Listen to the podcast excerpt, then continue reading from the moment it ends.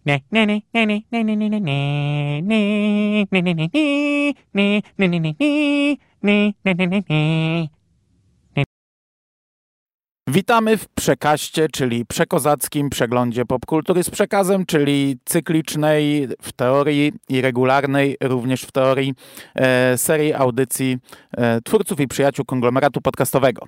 Dzisiaj mówi do Was Hubert Spandowski, czyli Mando, jest ze mną Michał Rakowicz, czyli Jerry. Cześć. Cześć. E, I jest z nami Michał Ogrodowicz, czyli Sew z ziemniaczanego pola komisarza Sewa. Witam Ciebie bardzo serdecznie. Witam serdecznie wszystkich słuchaczy. I witamy też słuchaczy ziemniaczanego pola, bo pewnie tradycyjnie ten podcast również gdzieś tam e, zagości na jego łamach. E, dwa dni temu z naszego punktu widzenia, w czwartek 10 e, bodajże grudnia 2020 roku odbył się, odbyła się impreza The Walt Disney Investor Day. Zupełnie nas wszystkich ona zaskoczyła.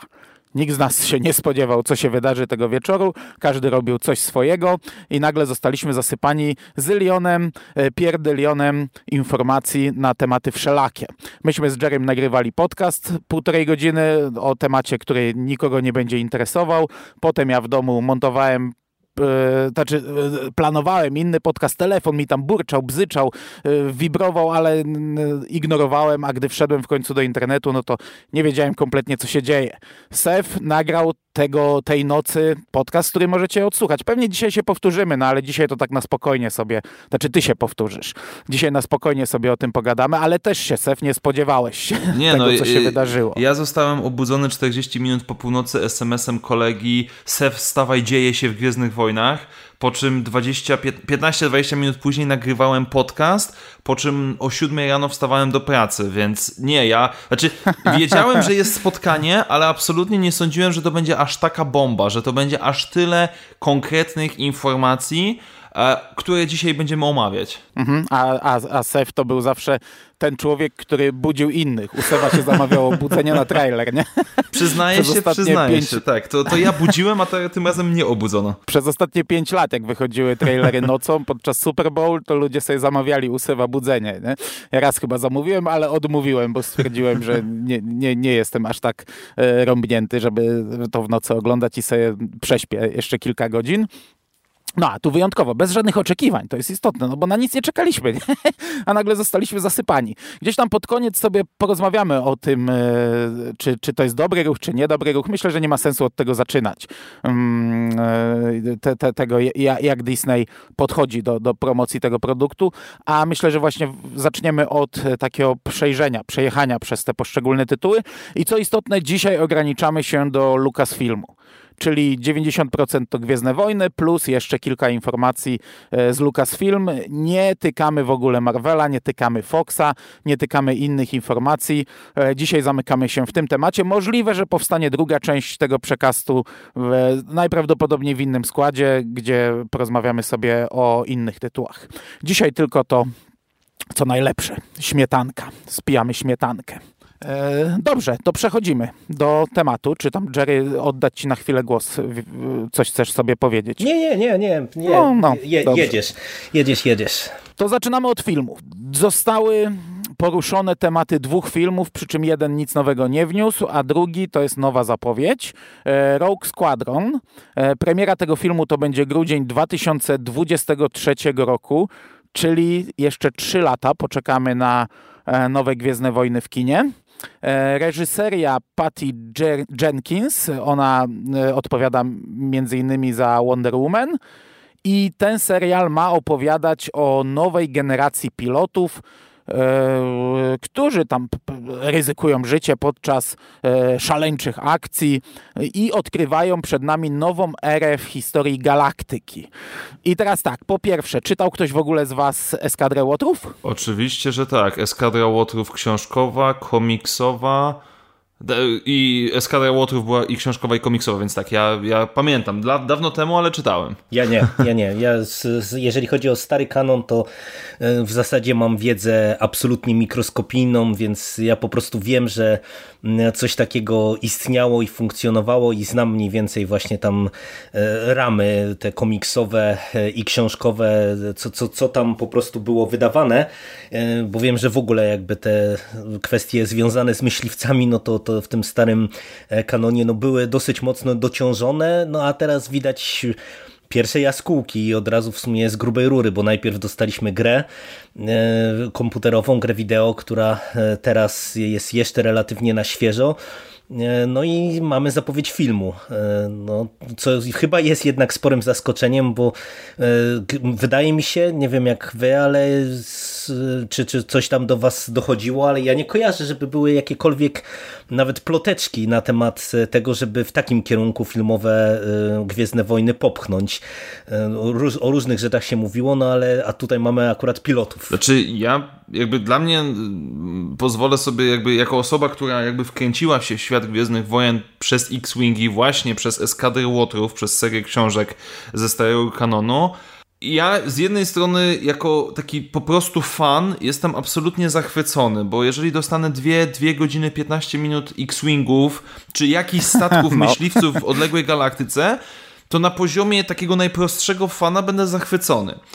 Ale moje podstawowe jakby pytanie jest, bo to brzmi jak spin-off, a po porażce solo i generalnie po no, odbiorze może nie tyle średnim, co jakoś tak nie za bardzo trafionym tych spin-offów, ja byłem święcie przekonany, że tego w ogóle nie będzie. I o ile tematyka, by, że może gdzieś tam były plotki, no ale plotki już były o tym, że będzie film o Bane'ie, że będzie film o, nie wiem, Macy Windu, o kimkolwiek, więc tam tematów na filmów było mnóstwo, ale bardziej no tak, mnie w tak, ogóle tak. zastanawia forma. Jakby to jest chyba największym zaskoczeniem, że to jest takie eskadra łotrów, e, o co chodzi? Jakby dla mnie to jest największy szok, bo i, i tu jest jakby pytanie, czy to będzie spin-off na zasadzie Water 1 wersja 2.0, czy to będzie, no tak jak jest w opisie, jakaś nowa era historii galaktyki, a jedyna sensowna era, która może być, to jest, mi się wydaje, po epizodzie 9, co jest jeszcze większym zaskoczeniem dla mnie. No tak, tylko że w logo filmu masz starego X-Winga, i mamy filmik z reżyserką, która jeździ na rolkach, jedzie na rolkach po lotnisku, opowiada o swoim ojcu, opowiada o, o tym, co będzie robić i ona też ubiera e, kombinezon pilota i idzie do starego X-Winga, ale, tak średnio po epizodzie 9. W, w materiałach gdzieś tam ktoś się dorwał do, e, jak Kathleen Kennedy przemawiała na tej całej konferencji, w tle, kiedy ona mówiła o tym projekcie, były loga, czy też e, symbole nowych X-Wingów. Więc y, jakby na razie nie wiemy w ogóle. I to jest jedna wielka zgadywanka i ja bym powiedział, że teraz to jest najważniejsze pytanie względem tego filmu. Kiedy on się będzie dział i czym on będzie? Czy on będzie spin-offem, czy on będzie ewentualnym y, łącznikiem między epizod 9 czy też sequele i coś nowego? Bo jeżeli to rzeczywiście się dzieje po epizodzie 9, to ja z miłą chęcią przygarnąłbym powrót yy, Podamerona, bo wyrasta on mhm. nam na automatycznego lidera czegoś takiego, albo przynajmniej duchowego przywódcę, czy tam mentora. Więc jakby dla, z mojej perspektywy ja do tej pory jeszcze, jeszcze się nie otrząsnąłem i po prostu nie wierzę, że no taki mokry sen mojego fana wewnętrznego się spełnia, no bo będzie eskadra łotrów na dużym ekranie. E, więc jestem w szoku i nadal po prostu jeszcze nie mogę tego zrozumieć, ale z drugiej strony zastanawiam się po prostu, okej, okay, kiedy ten film będzie osadzony w całej galaktyce, jakby w historii, bo to jest niezwykle ważne i dla uniwersum, i też dla rozwoju filmów co dalej będzie z tym. No a też ja bym powiedział, że y, to umiejscowienie w historii galaktyki y, też nam pewnie trochę y, powie o czym ten film ma być, bo mhm. jednak jeżeli byśmy szli w kierunku e, właśnie jakiegoś Łotra 1.2.0, no to ja wam powiem, że ja trochę e, byłbym na nie mimo wszystko, bo mhm. to przywiązanie się tego nowego kanonu do starej trylogii i gdzieś tam kręcenie się wokół te, te, tamtych, tamtego okresu, no mnie zaczyna troszeczkę już męczyć i, i pomimo tego, że ja jestem absolutnie cały czas urzeczony Łotrem 1, no to jednak bym wolał, żeby właśnie to był ten kierunek, o którym ty Sef mówisz, czyli mhm. że to y, idziemy w kierunku po dziewiątce, bo to nie dość, że jest okres dziewiczy tak naprawdę, no bo no tak, tak, no tak. Nic, nic, nie, nic kompletnie jakby nie, nie powstaje i to dawałoby y, ciekawą perspektywę takiego rozwoju dwukierunkowego, że z jednej strony mamy High Republic, o którym jeszcze dzisiaj y, też porozmawiamy, z drugiej strony trochę właśnie zaczynamy rozwijać e, galaktykę po epizodzie dziewiątym, e, tym bardziej, że tutaj wydaje mi się, że jest e, też potencjał dla ciekawej historii, bo abstrahując od tego, jak w sumie myślę z perspektywy czasu się wszyscy zgodzimy, słabym filmem był Skywalker Odrodzenie, to jednak jakby sama ta wizja rozwoju galaktyki po zaoraniu czy upadku najwyższego porządku, no to jest dosyć ciekawy punkt do e, stworzenia jakiejś historii właśnie takiej troszeczkę może e, w mniejszej skali, e, ale po prostu interesującej. No przy czym też jeszcze zanim Mando ci oddam głos już, czy, czy Sef tobie, to ja wam powiem, że to też jest dla mnie w ogóle zaskoczenie, że idziemy w kierunku właśnie takiego bardziej przyziemnego świata Gwiezdnych Wojen, no bo mimo, że piloci to, to jest immanentna część tego uniwersum i bardzo istotna, no to ja mam wrażenie, że jednak no, no to jest taka bardziej życióweczka, nie? Że, że jednak my cały czas w epizodach czy w filmach raczej się skupialiśmy poza właśnie wyskokiem w postaci solo na, na takich y, tych, na tej skali makro, na tych wielkich potyczkach pomiędzy y, złymi i dobrymi y, i, i tutaj jednak idziemy w trochę innym kierunku i, i też ja do końca nie wiem co na ten temat sądzić po prostu, nie? No bo no, no tutaj możemy tak naprawdę dostać naprawdę wszystko i, i ja jestem ciekaw bardzo w jakim kierunku twórcy postanowią uderzyć, tym bardziej, że to też patrząc na to jaki wysyp produkcji nam zapowiedzieli, że to może być w ogóle coś, co nam ukształtuje jakoś tam kierunek e, w innych mediach, no bo jednak e, jeżeli oni tyle seriali zapowiedzieli, no to ja sobie e, w prosty sposób od razu mogę wyobrazić, że pod ten serial zaczną znowu powstawać książki, komiksy, może jakiś serial nam jeszcze zapowiedzą w, zaraz w międzyczasie, więc to, to, to jest naprawdę bardzo duży i bardzo zaskakujący news. No chyba, że po prostu, nie wiem, będą chcieli też nawiązywać do, do chociażby chociażby, nie wiem, chwalonej eskadry Abecadło, chwalonej przez ciebie, Sef, i w sumie mm -hmm. nie tylko przez ciebie, I, i że na przykład gdzieś tam e, będą chcieli już coś na, na, tych, na tych zrębach, które gdzieś tam właśnie w tych książkach e, powstały, coś budować, no ale, ale to już nie wiem, czy tu nie odlatuje za bardzo. Znaczy, jakby dla mnie, ja się zgodzę z tobą, Jerry, pod tym kątem, bo jeżeli to będzie e, spin-off, który dzieje się w okresie, powiedzmy, E, Nowej Nadziei, czy między epizodami 4-6, generalnie w okresie starej trylogii, z rozwojowego punktu widzenia, z takiego makro całej marki, to jest strzał w głowę, to jest samobójstwo, bo no, może zachwyci to fanów, bo o, stare X-Wingi i tak dalej, i tak dalej, ale to będzie taki gwóźdź do trumny rozwojowy całej marki, więc absolutnie mam nadzieję, że nie. No tutaj ja podejrzewam epizod 9. Chodzą gdzieś tam niektóre opinie po internecie, że na przykład film mógłby się mówić o bitwie o Jacku, czyli rok po zemście, e, po powrocie Jedi. Um, I tu można już mieć i nowe X-Wingi, i stare X-Wingi, więc to jakoś da się uzasadnić. Ale to jest wszystko spekulacje, czysto i wyłącznie. Ja trzymam kciuki, znaczy nie, właśnie, bo to może teraz też jest moja jakaś teoria e, foliarska, że tak powiem, ale może umiejscowienie tego filmu po epizodzie 9 ma być pewnego rodzaju y, kosmetyką czy poprawieniem smaku względem sequeli, względem całego tego okresu, bo wydaje mi się, że najpierw The Last Jedi dla dużej części fanów, a potem y, epizod 9 sprawił, że bardzo wiele osób nie interesuje się tym okresem. I może Lucasfilm stara się w pewien sposób przywrócić uwagę czy też zainteresowanie poprzez danie czegoś w nowym okresie, ale czegoś, co odnosi się do klasyki, czyli właśnie myśliwce, że na przykład nie tykamy już kwestii Palpatina, Rey, mocy i tak dalej, tylko dobra, macie tutaj kosmiczne bam bam w kosmosie z jakimiś ewentualnie, nie wiem, miłością, nienawiścią, przyjaźnią, śmiercią i tak dalej. Więc y, to, ale na razie to są czysto spekulacje. Zakładam, że pierwsze konkretne informacje zaczniemy dostawać za rok na święta 2021 albo na Celebration, jeżeli Celebration odbędzie się w przyszłym roku, chociaż nie, ono ma być w 2022, no to wtedy na pewno już będzie, będą jakieś pierwsze informacje, więc e, Zobaczymy, naprawdę zobaczymy. E, ja jestem bardzo zaintrygowany. Z jednej strony się niesamowicie cieszę, no bo myśliwce, więc halo, podstawa mojego fanostwa. Z drugiej strony w którą stronę zmierzają filmy gwiezdnowojenne, bo to jest niezwykle ważne pytanie. Mhm. Ja wam powiem tak e, od początku zaczynając, e, że ja akurat nie czytałem Eskadry Łotrów książkowej, ja komi za komiksową nie przepadam, bo jakoś nie wiem, nie, nie trafiają do mnie e, myśliwce w starym rozszerzonym uniwersum. Te ich tam żarciki, gadki, szmatki przez, przez te komunikatory, a, ale też książkowej nie czytałem dlatego, że ona kosztuje zylion galeonów od lat, więc mhm. tak trochę nie mam jej po prostu.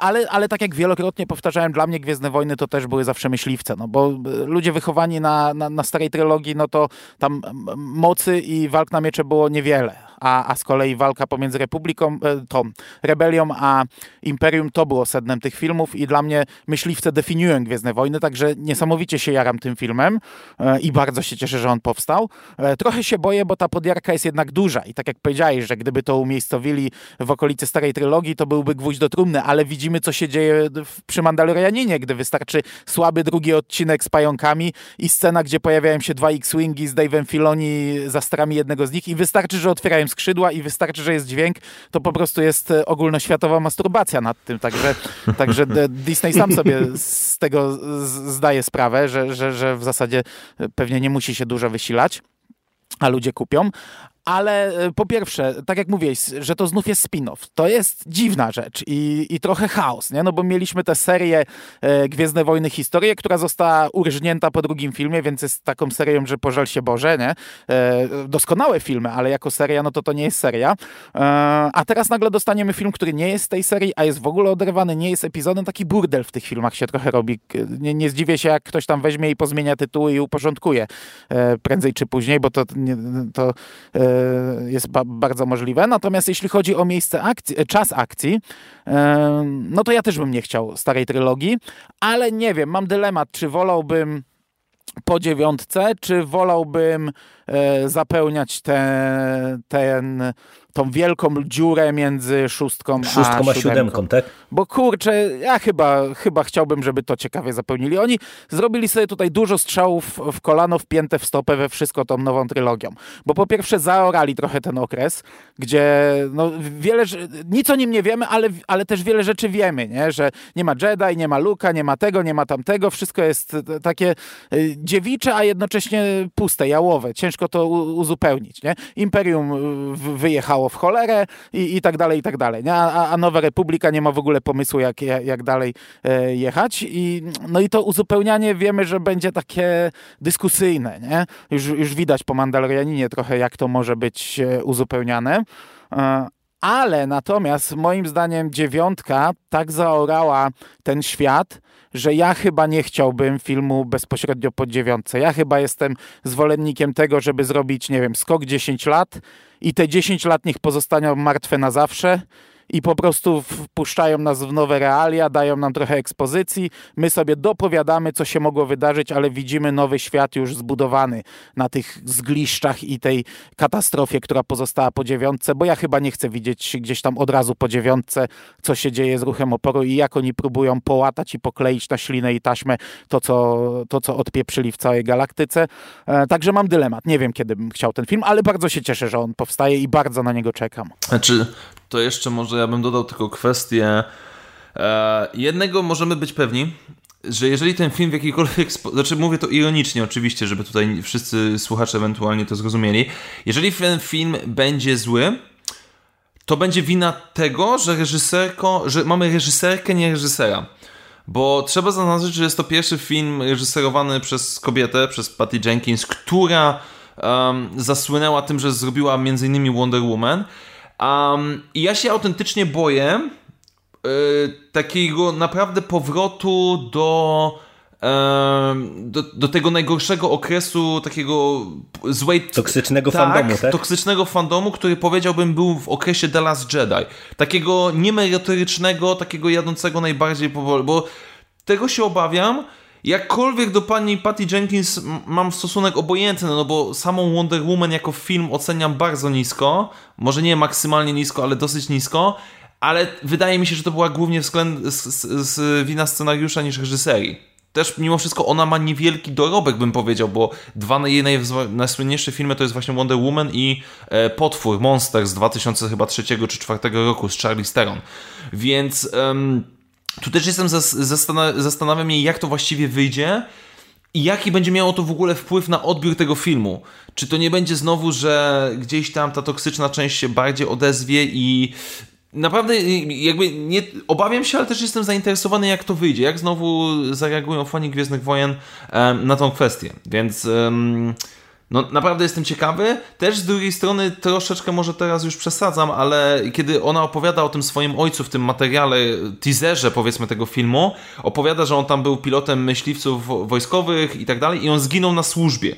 I zastanawiam się, w jakim, w jakim dużym stopniu, no wiadomo, że to jest taka trochę pogadka z jej strony, ale zastanawiam się, czy ona to przerzuci w jakiś sposób do filmu i czy to nie będzie jakiś mocny punkt marketingu tego filmu, żeby podbudować sobie troszeczkę renomę w Stanach Zjednoczonych jadąc na takim patriotyzmie, bo autentycznie mnie to zastanawia, jak, jak, jak, jak to wyjdzie. I czy rzeczywiście w jakiś sposób to, to będzie, będzie wykorzystywane. No i tak społecznie analizując sytuację, jak fani Gwiezdnych Wojen zareagują na kobietę reżyser, bo to będzie naprawdę ciekawa sytuacja do obserwowania. Znaczy, no tutaj to jest też e, kwestia tego, że ten film jest tak naprawdę no, za trzy lata, nie? Mm -hmm, więc mm -hmm. patrząc na to, ile mamy seriali po drodze chociażby, no to myślę, że fandom może albo zwariować pozytywnie, albo właśnie kompletnie już unurzać się w tym takim toksycznym bagienku, który właśnie w okolicach The Last Jedi eksplodowało, no bo tak naprawdę no, mamy bardzo dużo niewiadomych ja wam powiem, że sama Patty Jenkins też jest trochę dla mnie niewiadomą, bo ja osobiście lubię Wonder Woman. Ta 1984, z tego co ja gdzieś widziałem po pierwszych e, recenzjach, e, ma bardzo pozytywne e, recenzje, ale też jak do, przejdziemy zaraz chociażby do Waititiego, który jest reżyserem o bardzo charakterystycznym stylu, to właśnie przez ten niewielki dorobek Patty Jenkins ja do końca nie, nie mam wyczucia, co ona może nam zaserwować. No bo wiecie, jak czas, czasem e, bierze się reżysera pokroju, nie wiem, Abramsa. Jak był Abrams, to od razu było wiadomo, czego się mniej więcej spodziewać. Mhm. Nie? E, I, I tak czasami jest, że po prostu niektórzy reżyserzy mają swój po prostu taki no, wyraźnie autorski styl. Patty Jenkins przez to, że właśnie no, ma niewielki dorobek i tak naprawdę no, pracowała głównie, czy wybiła się głównie no, franczyzą teraz, tym, tymi filmami o Wonder Woman, e, gdzieś tam do szerszej świadomości. A one jednak, no umówmy się, są też chyba mimo wszystko sporo mniej autorskie, mhm. Y, przynajmniej na tym etapie, kiedy ona wchodziła. No pytanie właśnie, jaki będzie Wonder Woman 1984, bo on może już być właśnie dużo bardziej autorski, tak, tak ja odnoszę wrażenie, bo jednak te filmy po Wonder Woman, czyli tam Aquaman, Shazam y, chociażby, to już były filmy, y, gdzie reżyserom pozwolono na dużo więcej, czy twórcom w ogóle pozwolono na dużo więcej, więc kto wie, być może właśnie 84 to już jest ten ten film, gdzie, gdzie zobaczymy ten styl Patty Jenkins, ale no na tym etapie to, to mimo wszystko naprawdę to jest duża niewiadoma moim zdaniem. Dobrze. Dobrze, ja tu już nie dodam więcej. E, zgadzam się z wami. E, przechodzimy do Waititiego. O tym, że Taika Waititi zrobi nowy film z Gwiezdnych Wojen wiedzieliśmy od chyba 4 maja, bo chyba na Star Wars Day to było ogłoszone, rzucone po prostu gdzieś w internecie. Ty wtedy zrobiłeś ten filmik, gdzie wkurzałeś się na, mm, na, na promocję. Jaką, Lu, tak, Lucasfilmu. E, jaką, jaką Disney e, robi. E, przy czym ja to cały czas brałem jako takie, wiecie, włóżmy do kieszeni, poczekamy, co się wydarzy, bo, bo, bo takich tam zapowiedzi to, to było już e, sporo, albo, albo jakichś takich potężnych plotek. E, nadal nie wiemy nic o tym filmie. E, Kathleen Kennedy powiedziała, że, że no, Whitey, znaczy no, no, to są takie tam frazesy, nie? Jego, jego nietypowe podejście do Gwiezdnych Wojen, jego świeże, nieoczekiwane, u, u, unikalne podejście, jego niezwykły talent, poczucie humoru i tak dalej, i tak dalej. Nic konkretnego fanom, po prostu. Niezwykłe przeżycia, tak jest. Ale e, no ja już mówiłem wielokrotnie, że co prawda bawi mnie jego humor wielokrotnie i, i lubię gościa i lubiłem go słuchać też w tym dokumencie o Mandalorianinie, ale ja mam e, pewnie niepopularne podejście do tematu, bo ja jednak wolę, by w ramach e, uniwersów, w ramach franczyz trzymać się jakichś ram. A ten człowiek wybije nas ponad ramy. I to jest dla większości odbiorców plus. E, dla mnie to nie jest plus, bo ja jestem przekonany, że tutaj będą heheszki e, w rodzaju tych, które widzieliśmy w pierwszej scenie finałowego odcinka Mandalorianina, albo jeszcze bardziej popłyniemy, albo popłyniemy tak jak z Torem trzecim, który był świetnym filmem, ale dla mnie nadal był bardzo ciężkim orzechem do zgryzienia w ramach uniwersum pewnego konkretnego, który jakieś tam ramy narzuca. E, co prawda w Marvelu to jeszcze jest, jest powiedzmy luźniej, bo, bo tam można zaserwować takie filmy jak Strażnicy Galaktyki, a można gdzieś tam na, na ziemi się trzymać. Nie? E, Gwiezdne Wojny mam wrażenie są jednak, e, te, te ramy mają troszkę węższe i ja nie byłem zadowolony, nie jestem zadowolony nadal, nie czekam za bardzo. Znaczy, no, znaczy czekam, no bo to kolejne Gwiezdne Wojny, ale boję się ich, boję się ich, że tutaj puszczą hamulce, że puścimy się peronu, że ludzie się zachwycą tym, bo jestem przekonany, że będą wszyscy zachwyceni. Disney to zinterpretuje i napompuje odpowiednio i w ogóle wtedy e, pójdzie w kompletnie inną stronę i dostaniemy jeszcze większy burdel. Dostaliśmy logo tego filmu na razie tylko i wyłącznie. Ja do teraz jestem przekonany, że to fake, ale to nie jest fake.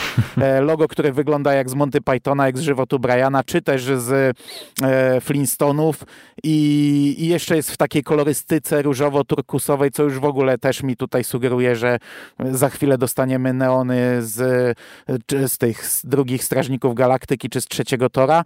E, no boję się i trochę, i, i chyba trochę nie chcę tego filmu. Tyle ode mnie. No ja mam podobne obawy, ale to też wielokrotnie o tym już e, mówiliśmy. Ja nie, tak jak lubię Waititiego, tak nie mam przekonania, że to jest e, właściwa osoba na właściwym miejscu, bo mi się finał Mandalorianina pierwszego sezonu, który on robił i za który on odpowiadał, podobał najmniej z całego sezonu, mimo właśnie zachwytów, które żeśmy dostali po, po tym, że finale.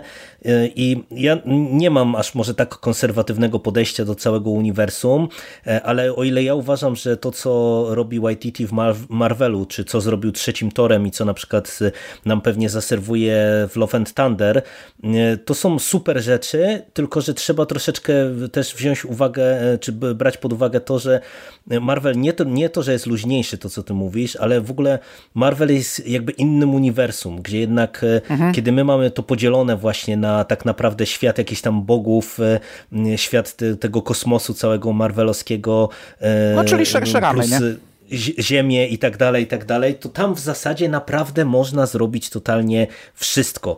Gwiezdne Wojny, no jednak umówmy się, y, mimo tej swojej takiej pewnej, no nie wiem, baśniowości te, tego świata, i tego, że chociażby y, historiami, które zaorano, próbowano e, flirtować z różnymi gatunkami, e, bo, bo przecież no, mamy film wojenny ewidentnie e, i, i mamy te, takie, nie wiem, trochę kino nowej przygody znowu, czy odwołania do kina nowej przygody, ale tutaj ja mam wrażenie, że właśnie jeżeli Waititi będzie chciał zrobić film w stylu trzeciego Tora, to to, to mi mogą zęby zgrzytać solidnie na tym seansie, bo ja po prostu kompletnie nie widzę punktu e, czy historii do opowiedzenia w takim stylu w Gwiezdnych Wojnach.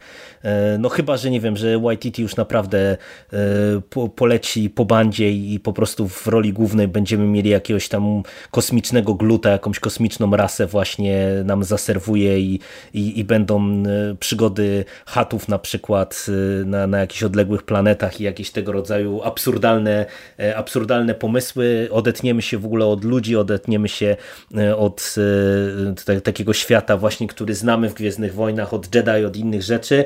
Być może to, to będzie coś takiego, ja cały czas naprawdę tego nie widzę i, i, no i to logo z Monty Pythona to mnie osobiście odrzuca.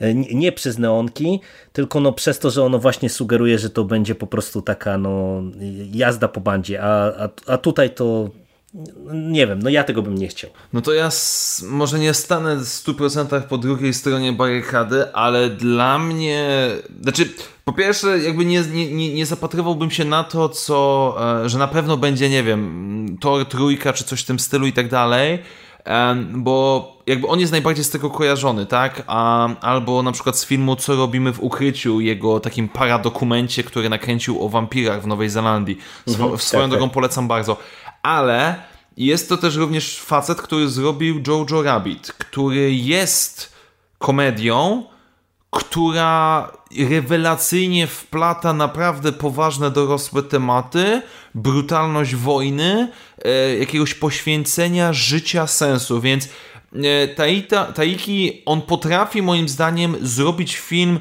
zabawny, jednocześnie uczący czego. I ja trzymam za tego faceta kciuki, a ja mam naprawdę nadzieję, że on przyjdzie i w cudzysłowie rozwali jeszcze bardziej Gwiezdne Wojny, niż zrobił to Ryan Johnson.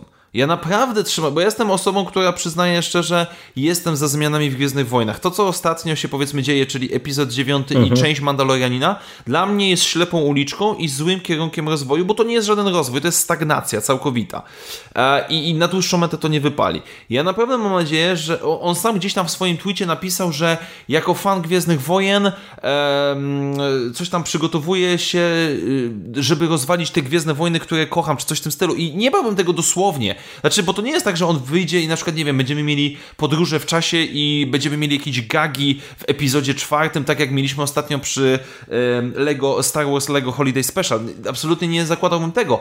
Jeżeli on rzeczywiście będzie chciał poszaleć, to albo przeniesie się w inny okres czasu, typu tysiąc lat w przód, wstecz, coś w tym stylu, albo po prostu dobierze sobie temat typu, nie wiem, policjanci na Coruscant i tak dalej.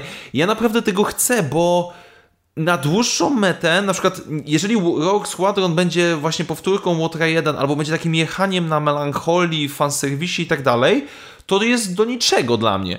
Więc e, naprawdę Taika, jeżeli będzie szalał, jeżeli coś sobie wymyśli w innej, innym stylu, w innym sposób i nadal to będzie dobrze zrealizowane, to sorry, no będzie narzekanie, że to nie są klasyczne Gwiezdne Wojny. No dobrze, ale klasyczne Gwiezdne Wojny mieliśmy, to teraz może spróbujmy czegoś innego, idźmy w innym kierunku, więc a sam plakat jakby dla mnie jest tam, tam rybka w sumie, bo to, to jest po prostu plakat, to się może jeszcze tysiąc razy zmienić, biorąc pod uwagę, że jeszcze nie ma zapowiedzianej daty żadnej, bo o ile mm Łot, Eskadra Łotrów jest na grudzień 2023, y, Taika w ogóle nie wiadomo kiedy będzie. Zakładamy no, wstępnie, tak strzelamy 2025 najprędzej.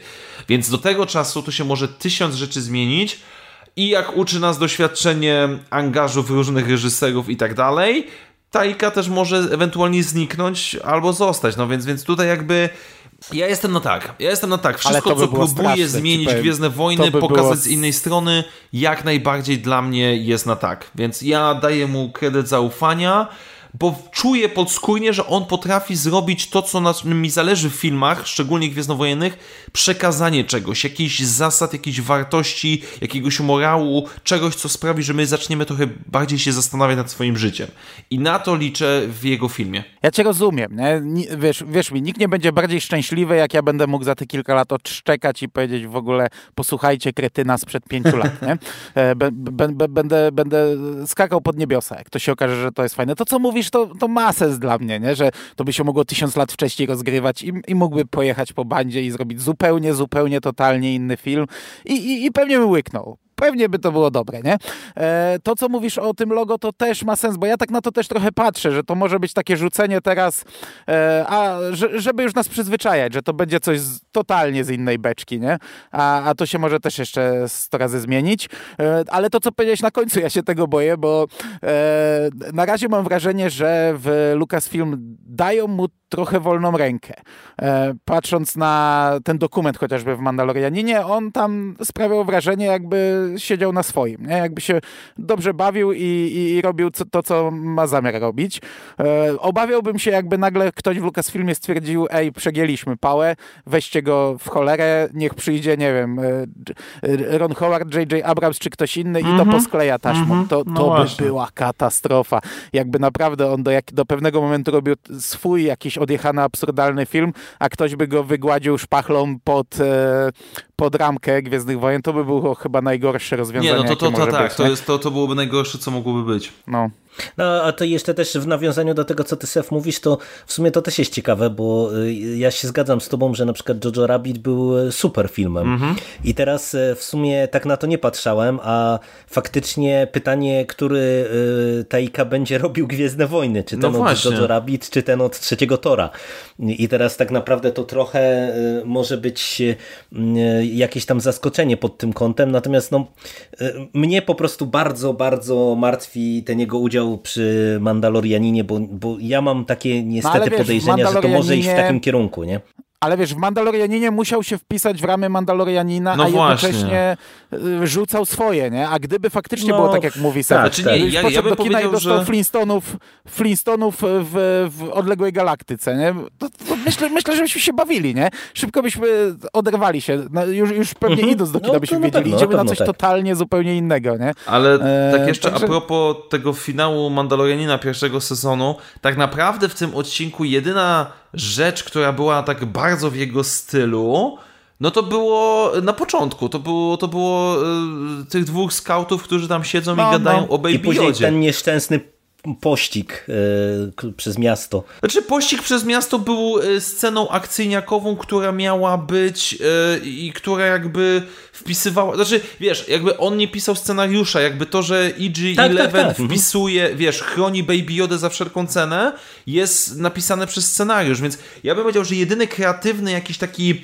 większa zmiana, to właśnie była ta scena na początku, scena, która to, co, no żebyśmy za dużo nie gadali o Mandalorianie, daje mi to, czego mi brakuje bardzo w tym y, serialu, ludzkich emocji u kogokolwiek. Że ktoś jest człowiekiem z krwi i kości poprzez dialogi, poprzez zachowanie. I dwóch facetów, którzy po prostu starają się zarobić od 7 do, od 7 do 15 robią w Imperium, a potem idą na piwo. Dla mnie to jest rewelacyjne. No i plus do tego Baby Yoda jest bity, więc jakkolwiek zabrzmi patologicznie, bardzo dobrze, bardzo dobrze no, przepraszam. Okej. Okay. Dobrze, Sef, to łapiąc cię za słowo, nie mówmy za dużo o Mandalorianinie, nie? Dobrze, dobrze, No to już. Sef, mam, mam, nadzieję, mam nadzieję, że tam me meliskę, meliskę masz przygotowaną, albo nie. jakiś persen sobie łyknąłeś. Aż tak źle nie jest jeszcze, bo, spoko. Bo my przechodzimy do seriali, a według mojej rozpiski zaczynamy od Filoni i Favreau yy, a czy, Czekajcie panowie, czy jeszcze, czy jeszcze jedna rzecz, bo coś, co nam nie powiedziano, przez co wiemy, że tego nie będzie, czyli Ryan Johnson. A dobrze, no zapisałem to na końcu na liście, Aha, ale w sumie jak jesteśmy na końcu. przy filmach, to, znaczy, dobra, jak bo... jesteśmy przy filmach, to można o tym, o tym rzucić tutaj faktycznie.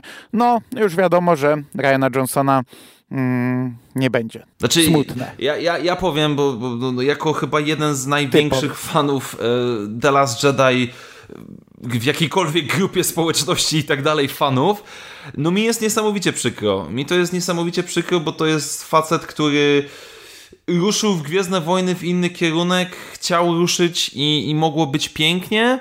Stworzył najlepszy film, dla mnie najlepszy film z Nowych Gwiezdnych Wojen. Może wróci, może wróci w jakimś pojedynczym odcinku jakiegoś serialu, albo może za kilka lat, jak tak jak mówicie, fani zobaczą, co odwalił Taika, no to stwierdzą, dobra, Johnson nie był taki zły. A nie wiem, mi, mi jest strasznie przykro. Po prostu tak po ludzku najzwyczajniej w świecie jest przykro. A i szkoda. Mam nadzieję, że chłopak jakoś się odnajdzie, bo odnajduje się tak, bo jego Knives Out było na przykład rewelacyjne, i, I, życzę mu jak najlepiej na, na, na nowej drodze życia, jeśli tak można powiedzieć. A ja wam powiem, że ja jeszcze tak bym kreski e, na Johnsonie nie stawiał, bo tak naprawdę no to w ogóle o y, trylogiach się mówiło przecież i Johnsona i miała być ta trylogia gości od Gwiezdnych Wojen, która też została no, szybko zaorana. Ja się zastanawiam, czy to nie jest trochę tak, patrząc na to, że właśnie mamy tak naprawdę jeden skonkretyzowany film i w bliżej niesprecyzowanej przyszłości Waititiego, że po prostu w tej chwili y, Disney Plus chce iść w innym trochę kierunku i że ten wysyp seriali mhm. to, to ma nam pokazać, y, że okej, okay, nie wiemy, co będzie z kinami, bo pandemia i, i, w ogóle. Y, filmy są drogie, nie wiadomo jak z kasą.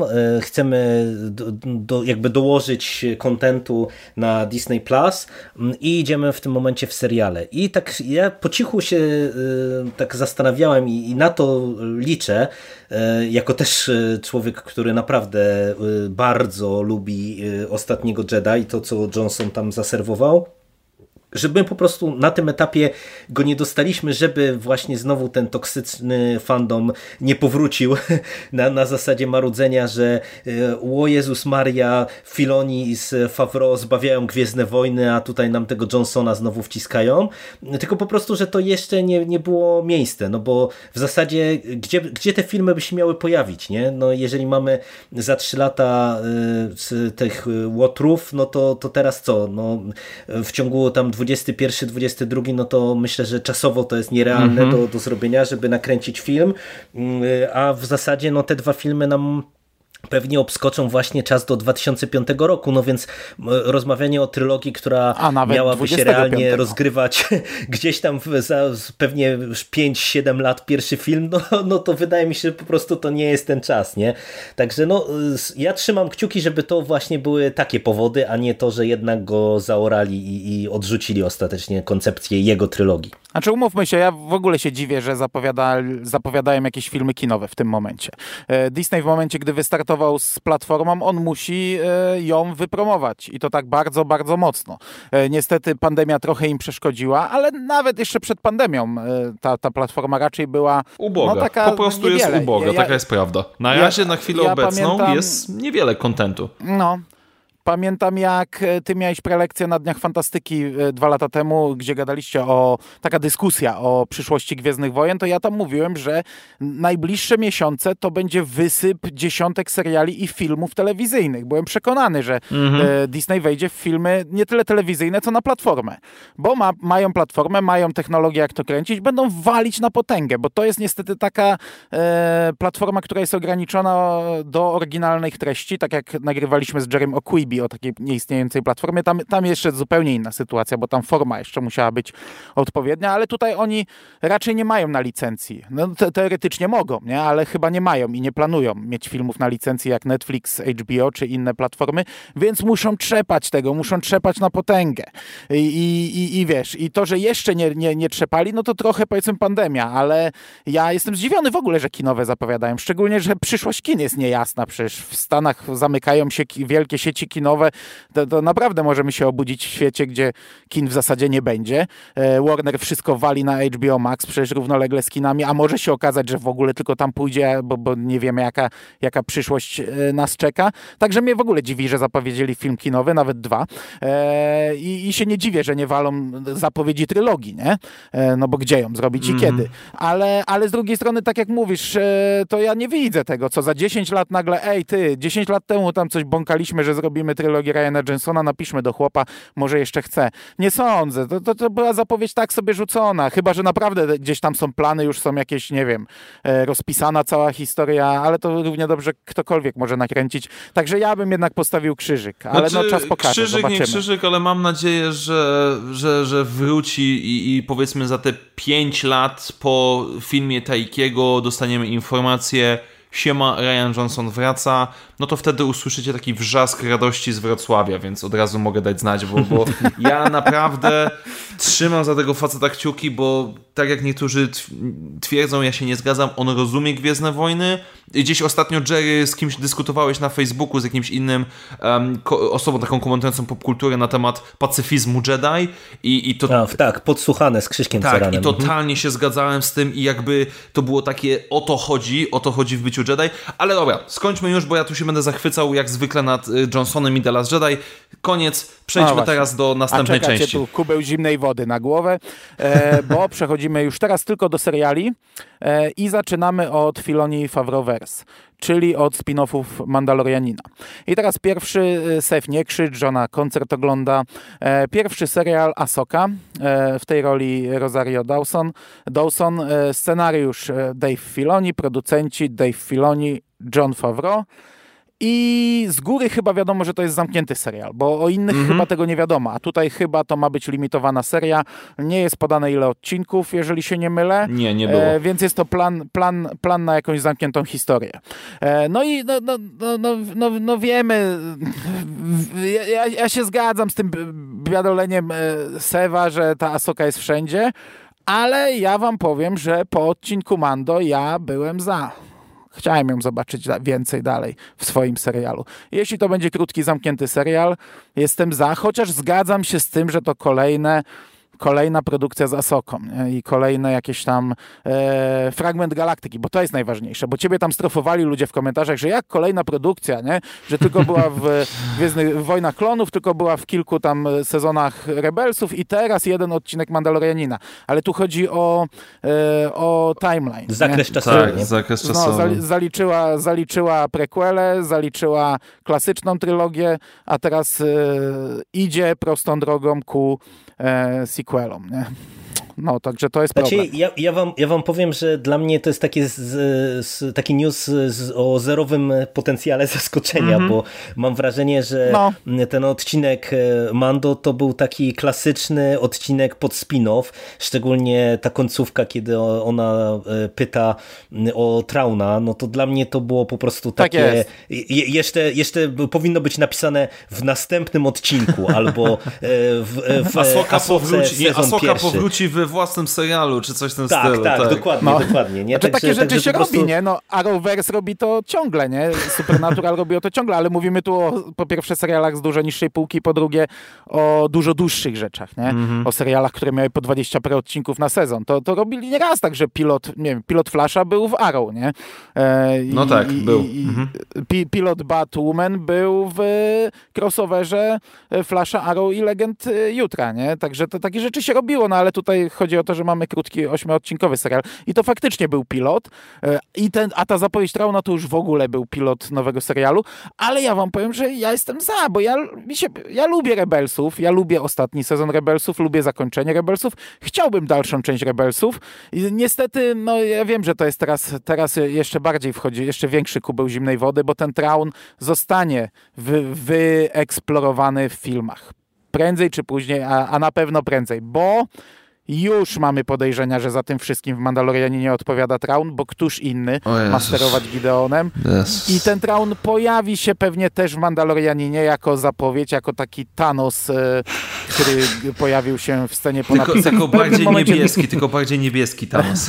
W pewnym momencie na pewno się pojawi, a jego finalizacja będzie w Asoce i, i te wątki będą sfinalizowane. Ja z jednej strony jestem za, bo lubię te mikrouniwersa serialowe i jeśli Disney Plus zrobi to fajnie, tak jak wiesz, Netflix swego czasu, przynajmniej w początkowych sezonach, e, robił Marvela.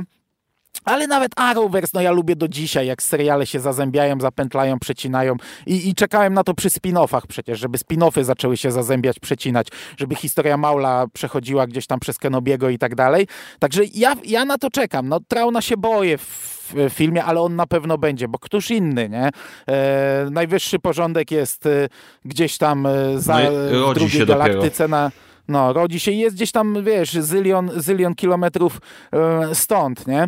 E, imperium zniszczone, e, klony imperatora tworzone na egzagonie, nikt o nich nie wie, nikt o nich nie będzie wiedział. Traun został, bo finał Rebelsów mu to zapewnił, nie? A teraz wiemy, że Traun wrócił, więc na pewno Traun za chwilę będzie taką główną postacią, osią wszystkich tych seriali, głównym złolem. Znaczy, no tutaj jeżeli chodzi o samą Asokę, to ja wam powiem, Seba. ja o tyle je, je, jestem, zaraz ci Sef oddam głos, spoko, będziesz, spoko, będziesz spokojnie, mógł, spokojnie. mógł trochę pomarudzić. E, ja jestem o, o tyle ostrożnie optymistyczny, że e, na tle tych wszystkich e, gościnnych występów w Mandalorianinie to Asoka się bardzo na plus moim zdaniem wybiła.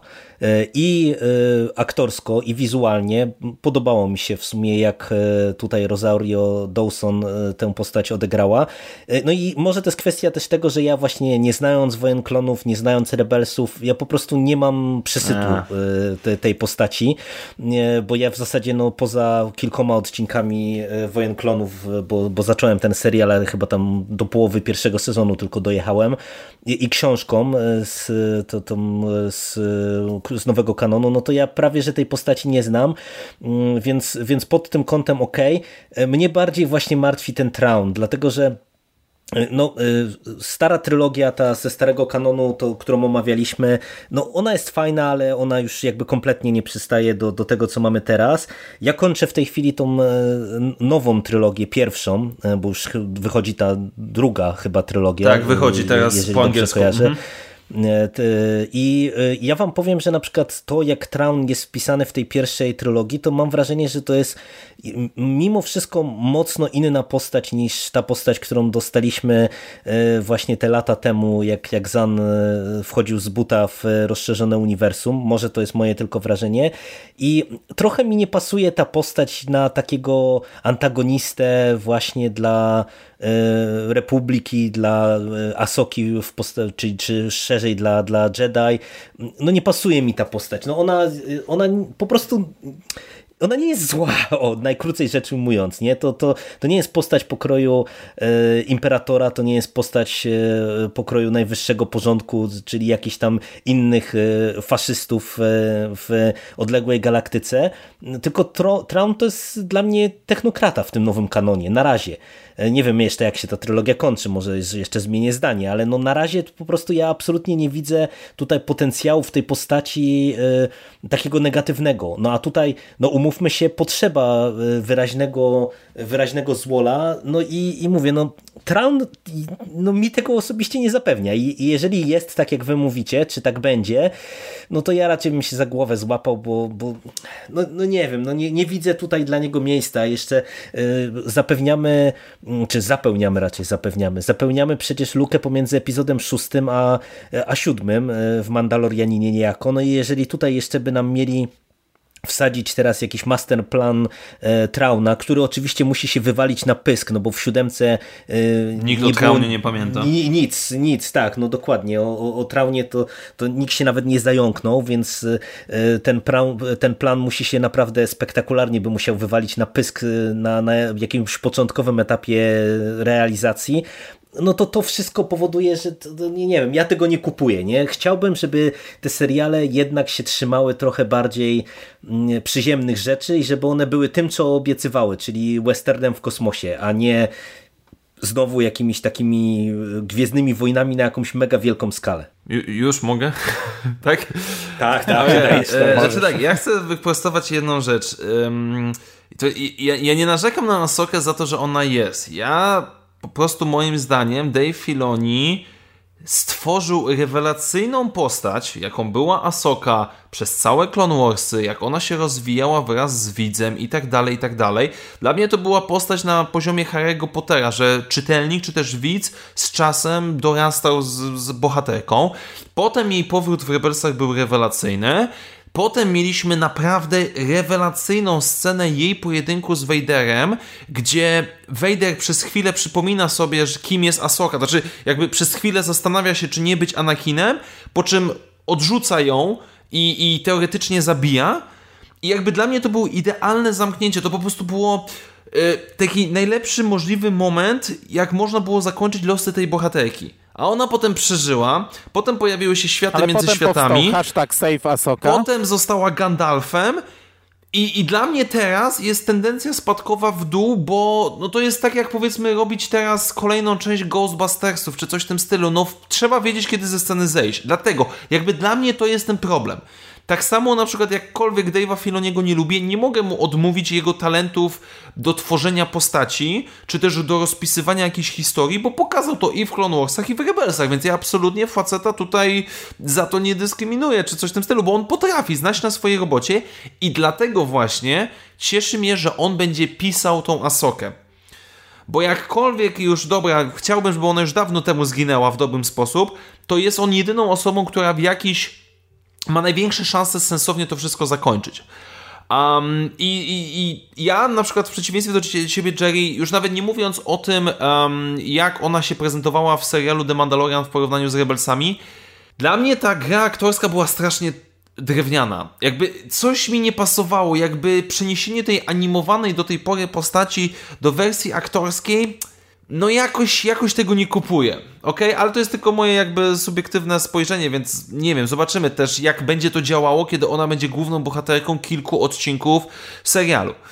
Um, więc to będzie zakończenie Rebelsów i na przykład dla mnie trochę, a dla niektórych fanów bardzo przeszkadza fakt tego, że zamiast animowanej drugiej części Rebelsów, gdzie domykamy te wszystkie wątki, dostaniemy aktorską.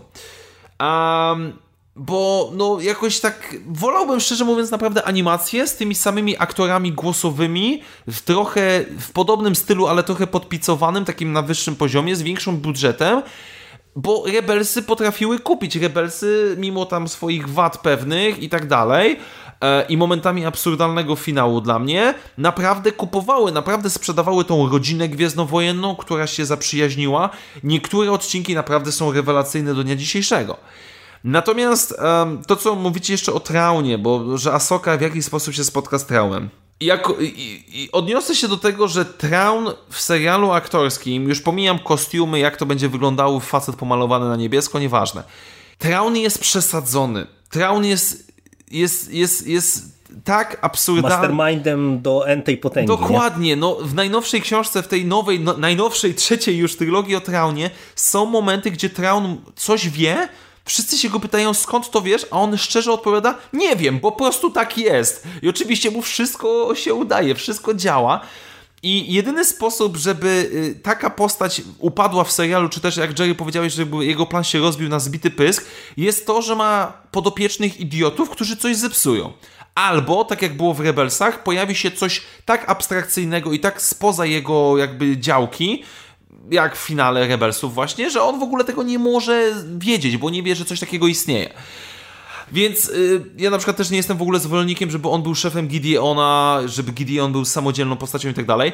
Traun też kanonicznie po śmierci Imperatora nie ma żadnego interesu siedzieć w obecnej galaktyce, tylko powinien no właśnie, wrócić do właśnie, domu. Dokładnie, bo on przybył dokładnie, po to, żeby znaleźć sojuszników.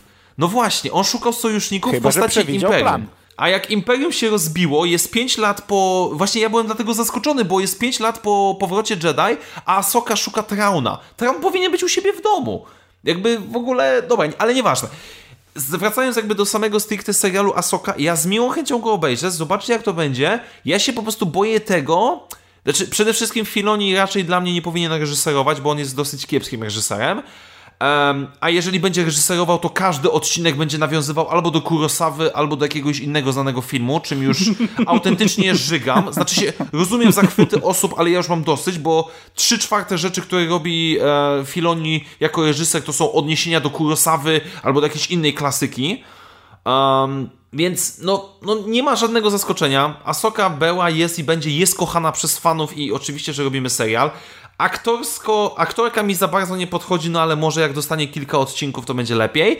Więc to nie jest tak, że ja hejtuję tą postać. Ja po prostu uważam, że ona jest źle prowadzona, bo już był jej szczytowy moment i teraz jest niestety jazda w dół. Mniej lub bardziej, ale jednak jest jazda w dół. Znaczy, Traun jest niezniszczalny w książkach, nie? A no tak. w, w serialach już niekoniecznie, nie?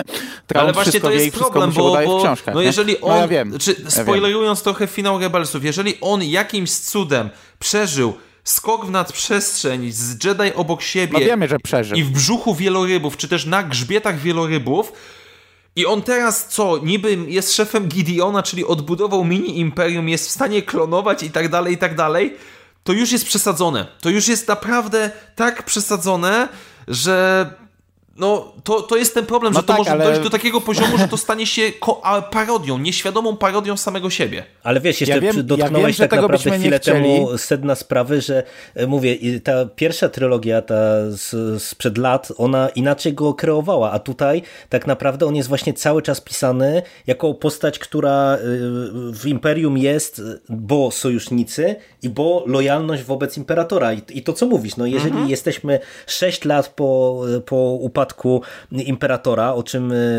tak na, o czym to, że tak nie jest, to, to nikt w zasadzie tego nie wie, no to ta postać po prostu tutaj nie ma racji bytu, bo ona nie jest właśnie jakimś takim yy, yy, o taką postacią, która ma ciągoty do władzy. No wręcz on jest przecież w tej, no, w tej nowej stary, trylogii jest pisany. Stary. No. Ja wiem, że tego byśmy nie chcieli, ale wszyscy widzieliśmy epizod dziewiąty i, i to się może wydarzyć. No okay. Traum naprawdę mógł wiedzieć Jedna o planie A Imperatora, Mando, tylko czyli tu jest... o, o ucieczce mógł wiedzieć o planie B, on może wiedzieć o egzagonie. Ale Co prawda, nie, ja wiem, że to jest może wiedzieć, na ślinę. Bo w ksio... Znaczy, ja wiem, że to jest książkowa nowelizacja epizodu 9, czyli nikt się tym nie przejmuje, ale to Exegol był zupełnie jakby poza wszystkim. Nikt o tym nie wiedział i na przykład klony, które są teraz u Gideona, one nie mają nic wspólnego z Exegolem. A jeżeli rzeczywiście mają, to kto tu, ktoś tutaj naprawdę, naprawdę mocno zaczyna mieszać w jakby wydarzeniach w galaktyce, bo... No jakby... ale adaptacje książkowe to zawsze są odłączone dla mnie od kanonu. Tam są sceny wycięte z filmu, ja wiem, że przemyślenia powinniśmy doklejać do kanonu, ale ja to zawsze traktuję luźno, bo są rzeczy, które naprawdę wyleciały z jakiegoś powodu z filmu i nie ma ich w filmie i ja ich nie, nie wiem, jak to się traktuje, czy to się traktuje jako kanon, czy nie. Moim zdaniem nie, nie powinno. No czy wiesz co, książki, ale, nawet, ale, wiesz, ale on może wiedzieć o... E, Imperator miał plan stworzenia tego e, najwyższego porządku i tej ucieczki, to znaczy, że oni wylatują i tam się odbudowują. On może o tym wiedzieć, ale że się nie załapał na transport, może budować coś tutaj. Ja wiem, ja, ja, ja jestem akurat daleko w książkach, więc ja e, mam e, mizerną wiedzę. No ale to, nie, to nadal gra. nie ma sensu, bo Traun jakby przybył do Imperatora po sojusz i skoro Ale imperator... jego świat może już nie istnieć na przykład. Może się dowiesz z trzeciego tomu nowej trylogii, że jego świat został zniszczony i już go nie ma. To w filmach nie ma chyba za bardzo cheesów, nie? No, no... Ale to znowu wracamy do tego, co ja mówiłem. No dla mnie to nie jest postać jakby negatywna. No jego no właśnie. przy Imperium nie, nie, nie trzyma. E, przecież to, to jest postać, która stroni od polityki. To jest mówię, technokrata. Y, no on nie ma sam z siebie żadnej rządzy no tak, władzy. Ale, ale, ale mamy tutaj, Jezu, no ja wiem, że oni obiecywali, że to będzie spójne, że to będzie tak, ale mamy no. Filoniego, który który jest, e, no on tam ma władzę pewną. No ma. Mam wrażenie, że, że on e, co powie, to, to jednak e, no, rzadziej się raczej jemu sprzeciwią niż komu innemu i, i on to może tak rozpisać, ja, ja, jak, jaką będzie miał wizję na Obawiam to. No, się, ja nie widzę in, in, innej Obawiam się, że Mando zatkania... ma rację. Obawiam się, że może być tak, no. że wszystkie te książki będą dodatkiem nie, nie, nie. i znaczy mnie to będzie strasznie wkurzało, bo też jeżeli, ma, jeżeli Traun skończy jako jako y, główny boss serialu o Asoce, bo i on próbuje odbudować drugie imperium. E, Sąsiad ci Dla mnie to jest po prostu słabe. To, to będzie takie najprostsze rozwiązanie, jakie może być, które ja mogę wymyślić sobie z kolegami przy piwie, bo to jest naprawdę podstawowe pisanie jakichś historii gwiezdnowojennych. Wiecie co, to jest takie gdybanie. Natomiast ja jeszcze do tej Asoki bo mnie się jej wersja aktorska też podobała i to bardzo. Kurde, jak mi się to fajnie oglądało. I ja jestem za serialem aktorskim. E, co prawda, no mam e, problem z tym taki, że umówmy się, te seriale, które wypuszcza Disney Plus powinny być autonomiczne, a szczególnie jak dostajemy aktorski, który jest, e, jakoś tam kontynuuje wątki animowanego, to on chyba nie powinien e, mocno, tak, tak bardzo mocno, on powinien się oddzielić jednak i ja nie, nie wiem za bardzo jak to zrobić, bo tak wydaje mi się, że o, ja, ja, w ogóle, to jest już w ogóle szerszy problem, nie wiem do kogo jest Disney Plus skierowany, bo taki Netflix chwyta ile się da nowych e, użytkowników, a tutaj jednak do fanów uniwersum, ale wydaje mi się, że tak jak Mandalorianin e, musi być serialem autonomicznym, tak jak Kenobi musi być, taka Soka też powinna być. A jeśli to będzie taka naprawdę bardzo ścisła kontynuacja Rebelsów, taka, że tam będzie masa rzeczy padać, to to może być trudne do zrozumienia. I, i, wtedy, i wtedy ten aktorski trochę może gryźć, nie? że nagle wiesz, ktoś chce obejrzeć sobie serial aktorski, a musi obejrzeć cztery sezony animacji, która niekoniecznie do niego trafia. Nie? No ale wiesz, jeżeli musi obejrzeć cztery sezony animacji, znaczy, że musi kupić przynajmniej miesiąc więcej abonamentu, więc może, może to też jest jakaś taka logika. No. Natomiast no. ja się obawiam jeszcze z Asoką, bo ja podejrzewam, że to będzie bardzo dobry serial. E, bo kurde, no ja, ja o tym pisałem u ciebie, że ja, za co się nie brali z Asoką, to wychodziło dobrze. Nie? Ty też mów, ty, ty, ty, do pewnego momentu mówisz, że to ci się podobało, potem już niekoniecznie, że chciałeś na tym skończyć. No ja też bym był za tym, żeby skończyli na tamtej scenie, bo to, byłaby świet, to byłoby świetne mm -hmm. zakończenie tej postaci. Nie? Co prawda w, w ciekawy sposób przywrócili ją, bo to było wywrócenie do góry nogami trochę Gwiezdnych Wojen. E, ja się boję i wiem, że popłynę teraz daleko, e, ale ja pamiętam, jak się zaczęły Clone Warsy i jak wszyscy e, głowili się na tym, jak uśmiercą Asokę przed epizodem trzecim, bo przecież jej tam nie może być, bo nie mhm. było jej w filmach i nikt o niej nie wspomniał, więc nie może jej być. I ludzie sobie żartowali, że zrobią retcon zemsty Sithów z Asoką i tak dalej, i tak dalej. Ja sobie wtedy żartowałem, zobaczycie, ona dożyje do starej trylogii. Totalnie tak sobie zażartowałem, nie?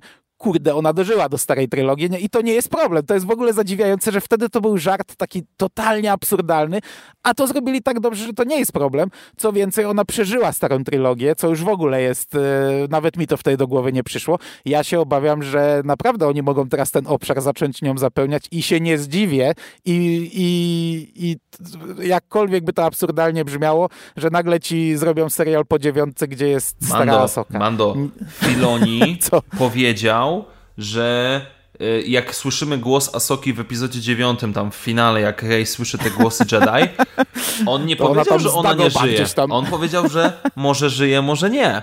Więc um, jakby, znaczy ja, jakby cały punkt fabularny Asoki dla mnie problematyczny po epizodzie szóstym jest takim, czemu ona nie pomaga Lukowi. Jakby, ale dobra, to już Mhm, nie, tak, nie, tak, to- nie to wchodźmy, jest nie wchodźmy temat w to tak głębiej, bo, bo tutaj noc nam nie starczy. No ale ona nie chce, ona się odcięła od Jedi, ona jest cały Oje, czas o odcięta od proszę Jedi. cię, jak, jak jeszcze raz usłyszę argument, że ona nie jest Jedi, ona jest obywatelem, więc nie może, nie, jasne. Ale nie, nie, chodzi mi o to, nie chodzi mi o to, że nie skończyła szkolenia, no bo Ezra też w zasadzie szkolenia nie skończył, Kanan też nie skończył szkolenia, ale ona cały czas ma jakiś tam, no nie, nie, nie, nie, nie utożsamia się z Jedi chyba ale do może końca. pomóc. mam ale. Luke też nie Może- skończył ale szkolenia tak naprawdę, Może nie? powiedzieć Lukowi, może mu wypisać całą listę, wiem, co wiem. było nie tak z Jedi. Szczególnie, że ona nie się z nimi powtarzaj znała, nie? tego.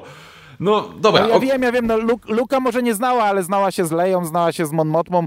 No. E, no ja, ja wiem, że to już jest absurdalne w tym, w Mandalorianinie, że ona, nie wiem, nie, nie, nie, nie puściła gdzieś tam strzałki do e, władz Nowej Republiki, ej, mamy tu potężnego Jedi, coś z nim trzeba zrobić, nie? Mały taki, Albo, nie że wiadomo, mamy potężnego nie trauna, powstał, nie? który też może być zagrożeniem. No, no jakby, halo, co tu się dzieje? No dobra, może to będzie wyjaśnione w serialu, może, zobaczymy. No przejdźmy może do tych e, Rangersów, Rangers of the New Republic, bo to jest drugi serial z tego, z tego worka, który ma się dziać w tym samym czasie, nie? Co Mandalorianin. Ma łączyć Tak wątki i zakończyć się wielkim finałem.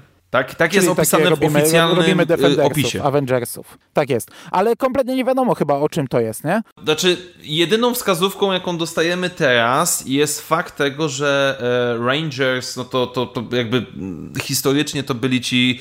y, Jezus, Chuck Norris go grał. E, Boże. Strażnicy. Strażnicy Teksasu, tak, no właśnie. A, jakim, a jedyny szeryf, jakiego mamy obecnie w. w Kara, to jest Cara nie? Nie wiem tylko, czy ona gdzieś tam się pojawi, bo nie wiem na ile jej e, zachowanie w mediach społecznościowych odbije się na jej karierę, powiedzmy, obecnie. Em, ale to na to wskazuje, że to będą jacyś przedstawiciele Nowej Republiki, tak jak na przykład ci piloci X-Wingu w drugim sezonie, którzy no, starają się zaprowadzić porządek na dzikich rejonach. No, na to się wygląda, na to się zapowiada, szczególnie, że to się ma łączyć w jakiś sposób z, The- z The Mandalorian. Ja mam jeszcze obawy mamy tylko takie, szeryfa. że to Jeszcze znowu zapowiada mamy, nam nie- serial ale nie republikańskiego. e, o Dzikim Zachodzie tak naprawdę, bo ja totalnie właśnie tak to odebrałem, że to mają być jacyś tam szeryfowie, bo, bo tak mi się skojarzyło, że nie bez powodu ona pokazuje blachę szeryfa w jednym z odcinków e, i, i zostaje tym szeryfem, że, żeby tego tam dalej nie pociągnąć, tylko ja po prostu e, patrząc na Mandalorianina mam takie obawy, że po prostu ten serial po tytule ma być czymś takim, a znowu właśnie już ta sugestia, że to będzie takie łączenie wszystkich wątków e, z Mandalorianina i Asoki ma być to jakimś takim wielkim finałem, że, że to, to,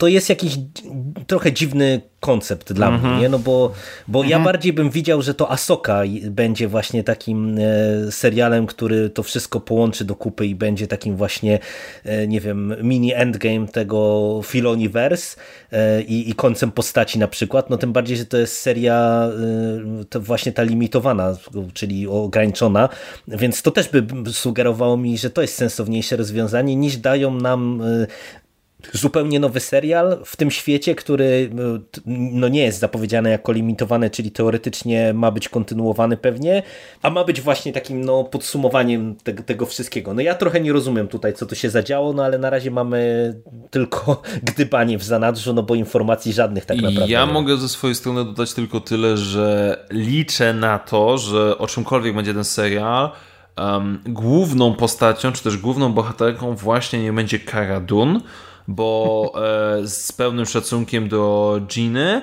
ale ona jest strasznie słabą aktorką. Y, jakby w tych ostatnich odcinkach Mandalorianina, w których ona się pojawia, zagranie więcej niż jednej emocji na twarzy, czyli zaraz ci wpie, mhm, e, przekracza chyba jej możliwości czasami. Mhm, to jest straszne. Ja naprawdę ciężko się ją ogląda, bo to jest taki no, kobieta, która gra twarde babki, które mają się naparzać i tyle. I w tym jest okej, okay, dobra, ale jak ma coś więcej powiedzieć, ma być, okazać jakieś emocje, no to ja tego nie widzę. Mamy Koba, mamy Koba. Prędzej ja widzę, że Koba tam obsadzą w jakiejś istotnej roli. No to też, on też jak, może jako być. postać. I Kob byłby Tylko spoko. to mówię, no, tylko no nie, nie, nie kupuję tego po prostu w tym kontekście właśnie tego łączenia wszystkich mhm. wielkich wątków, nie? No bo jednak y, właśnie czy, czy Kara, czy Kop, no to są szeryfowie na, na, na zadupiu, nie? No jak nagle ma eksplodować wielki plan Trau na, na, na, na zadupiu, na, na pustyniach Tatooine. No wiesz, tak jak, te wszystkie bazy, jak zaczynał się tak jak wszystkie tajne tak. bazy na zadupiach. Tak jak w Mandalorianinie wszystkie tajne bazy na zadupiach też nagle okazuje się, mm -hmm. że w mhm. nich no, jest dokładnie. E, tworzony największy plan i, i największe rzeczy się dzieją. Ja tego też totalnie nie widzę. Po pierwsze, Gina Serrano, wiesz co, ona nawet oficjalnie o tym mówiła w tym dokumencie Disney Gallery, że ona, kurczę, aktorką no, no nie jest specjalną i, i na planie też otwarcie mówiła, że może mieć problemy z zagraniem tego. Oni ją odesłali do Kayla, Kayla Wedersa, żeby ten ją szkolił e, w, w aktorstwie e, na planie ale to faktycznie, no, ona gra jedną, e, jedną miną i jedną rolą i niestety też muszę to powiedzieć o drugiej kobiecej postaci z tego serialu, mhm. chociaż e, bardzo żałowałem w pierwszym sezonie, że zginęła e, i lubię tę aktorkę, z, czy to ze Stargate Universe, czy z Agentów Tarczy, to, to ona też gra totalnie jedną miną na razie, tak, tak. ale to jest problem tych seriali, bo te seriale nadal nie rozwijają postaci cały czas. Pomimo tego, że ostatni odcinek, przedostatni fajnie grał drużyną, to tych postaci nadal nie ma i dlatego nie widzę kompletnie takiego Rangers of the New Republic, które ma teraz nam wziąć postacie, które nie zostały rozwinięte w ogóle w swoich mm -hmm. serialach, żeby wrzucić je do tego serialu, który ma być łącznikiem pomiędzy tamtymi serialami, a tamte seriale, no może poza Asoką, bo zakładam, że Asoka będzie faktycznie z jakąś może spójną historią, e, ale Mandalorian sam jest takim serialem, który e, robi slalom pomiędzy nieistniejącymi dotąd serialami i to jest dla mnie totalnie niezrozumiałe. Powinniśmy dostać seriale osadzone, stojące na swoich nogach, które przecinają się ze sobą i wtedy może takie Rangers of the New Republic miałoby sens. Wziąć e, kilka e, jaj z każdego worka, wrzucić do jednego koszyka i zrobić taki łącznik pomiędzy nimi i doprowadzić jeszcze do kolejnego serialu, który będzie takimi Defendersami, takimi Avengersami. Ale tak w tym, co tutaj na razie dostaję, fakt, że no mamy dopiero jeden serial, nie? Więc to jest też takie nasze gdybania, ale na chwilę obecną ja tego nie widzę. A, a Cara Dune w roli głównej, to tego już totalnie nie mm. widzę. Znaczy, to może tak już zbliżając się do zakończenia tej części, ja mimo wszystko na te dwa seriale się cieszę z szerszej perspektywy, bo jakiś czas temu, znaczy podczas drugiego sezonu The Mandalorian coraz bardziej głośne były takie głosy fanów, że Dave Filoni i John Favreau powinni kierować kreatywną częścią całego Star Wars, powinni decydować jakby o wszystkich kierunkach rozwoju i tak dalej. Co moim zdaniem nie, bo nie nadają się do tego po prostu. I jestem autentycznie szczęśliwy, że oni dostają to swoje własne mini-uniwersum mhm. w ramach Gwiezdnych Wojen. Bo Totalnie się pod tym podpisuję. Filoni się wykaże w no, swoich no. pomysłach, bo on ma tych swoich bohaterów. Ma tą Asokę, ma powiedzmy gdzieś tego Trauna, tego Mando. Okej. Okay. I niech oni sobie w tym okresie, tam powiedzmy, nie wiem, pięciu lat w, w historii Gwiezdnych Wojen robią co chcą, łączą sobie jak chcą, niech się razem tym bawią na razie zakładam, że większość, biorąc pod uwagę jak wygląda Mandalorianin, większość y, fanu będzie wynikała z fanserwisu, czy też takiego po prostu jechania na tych emocjach fanowskich najprostszych. I okej, okay, i nie ma w tym nic złego. To, że ja tego nie kupuję, to inna sprawa. Ale dobra, i oni, I oni będą zadowoleni, fani, którzy kupują ich twórczość przede wszystkim będą zadowoleni i będzie miejsce na inne te rzeczy. I ja jestem naprawdę z takiego rozwiązania zadowolony i niech to tak działa. Bo jeżeli na przykład powiedzmy Dave Filoni miałby tworzyć, znaczy on mi się nie wydaje osobą, która ogarnęłaby na takim poziomie. On lubi się skupić na kilku wybranych postaciach, je rozwijać w taki inny sposób i, i, i to by bardziej funkcjonowało, więc ja jakby jakkolwiek mam stosunek do nich, jakiekolwiek mam oczekiwania względem tych seriali, jestem zadowolony, że to tak, tak zostało rozwiązane. Dobrze, to ja też się tutaj zgadzam. zgadzam się, że fajnie dać im swoje podwórko, zobaczymy co z tego wyjdzie, ale mam obawy. No ale zobaczymy, to są nasze na razie obawy. Dobra, przechodzimy do innych seriali e, i po pierwsze Andor. To jest e, rzecz, o której wiedzieliśmy, że powstaje. E, teraz dowiedzieliśmy się, albo może już wcześniej, że trwają już prace na planie. Mm, nic do nowego nie wiemy o fabule, poza chyba tym, że to jest prequel, nie? Do Łotra. W sensie, tak, że to się rozgrywa wcześniej.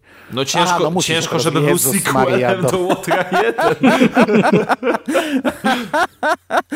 no Chociaż dobra, biorąc dobra, pod uwagę, jak postacie wracają ze zmarłych w Gwiezdnych Wojnach, to bym się nie zdziwił. No, no w sobie mógłby, nie? Świat poza światami ta, i, ta, i, Andor, i, mhm. i Andor hula na egzagonie, nie? Dokładnie. E, cze, cześć Podameron, przy, przyleciałem ci pomóc, nie? No ale dobra, tu palnąłem. E, sorry, zapomniałem zupełnie, że tam wszyscy umarli, zginęli w sensie. E, dostaliśmy taki mm, materialik filmowy, ale z, niego, e, no w sumie trochę tam można sobie wypatrzeć, bo to jest, zaczyna się od sceny Złotra 1, potem mamy sceny z planu, przecinane też scenami Złotra 1, widzimy tam, jak oni pracują na planie, Diego Luna nam o tym opowiada i na koniec mamy trochę takich ruchomych, animowanych szkicy koncepcyjnych. Mhm. E, ale tak naprawdę nic o tym nie wiemy. E, czekacie na ten serial? Cieszyliście się, że on powstanie?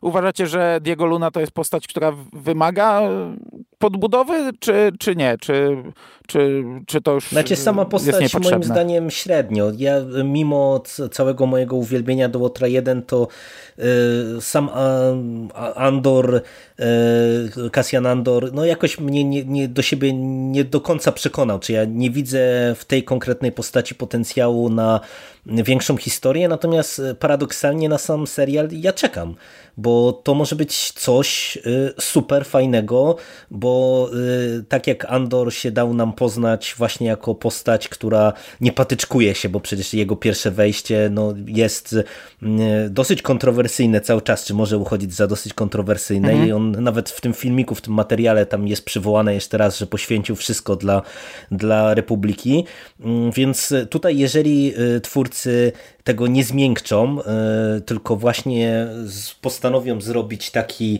e, tiller e, szpiegowski, czy, czy właśnie taki trochę mroczniejszy i, i bardziej brutalny serial o agentach Republiki, to ja tutaj naprawdę widzę sporo potencjału i sporo miejsca na fajną zabawę.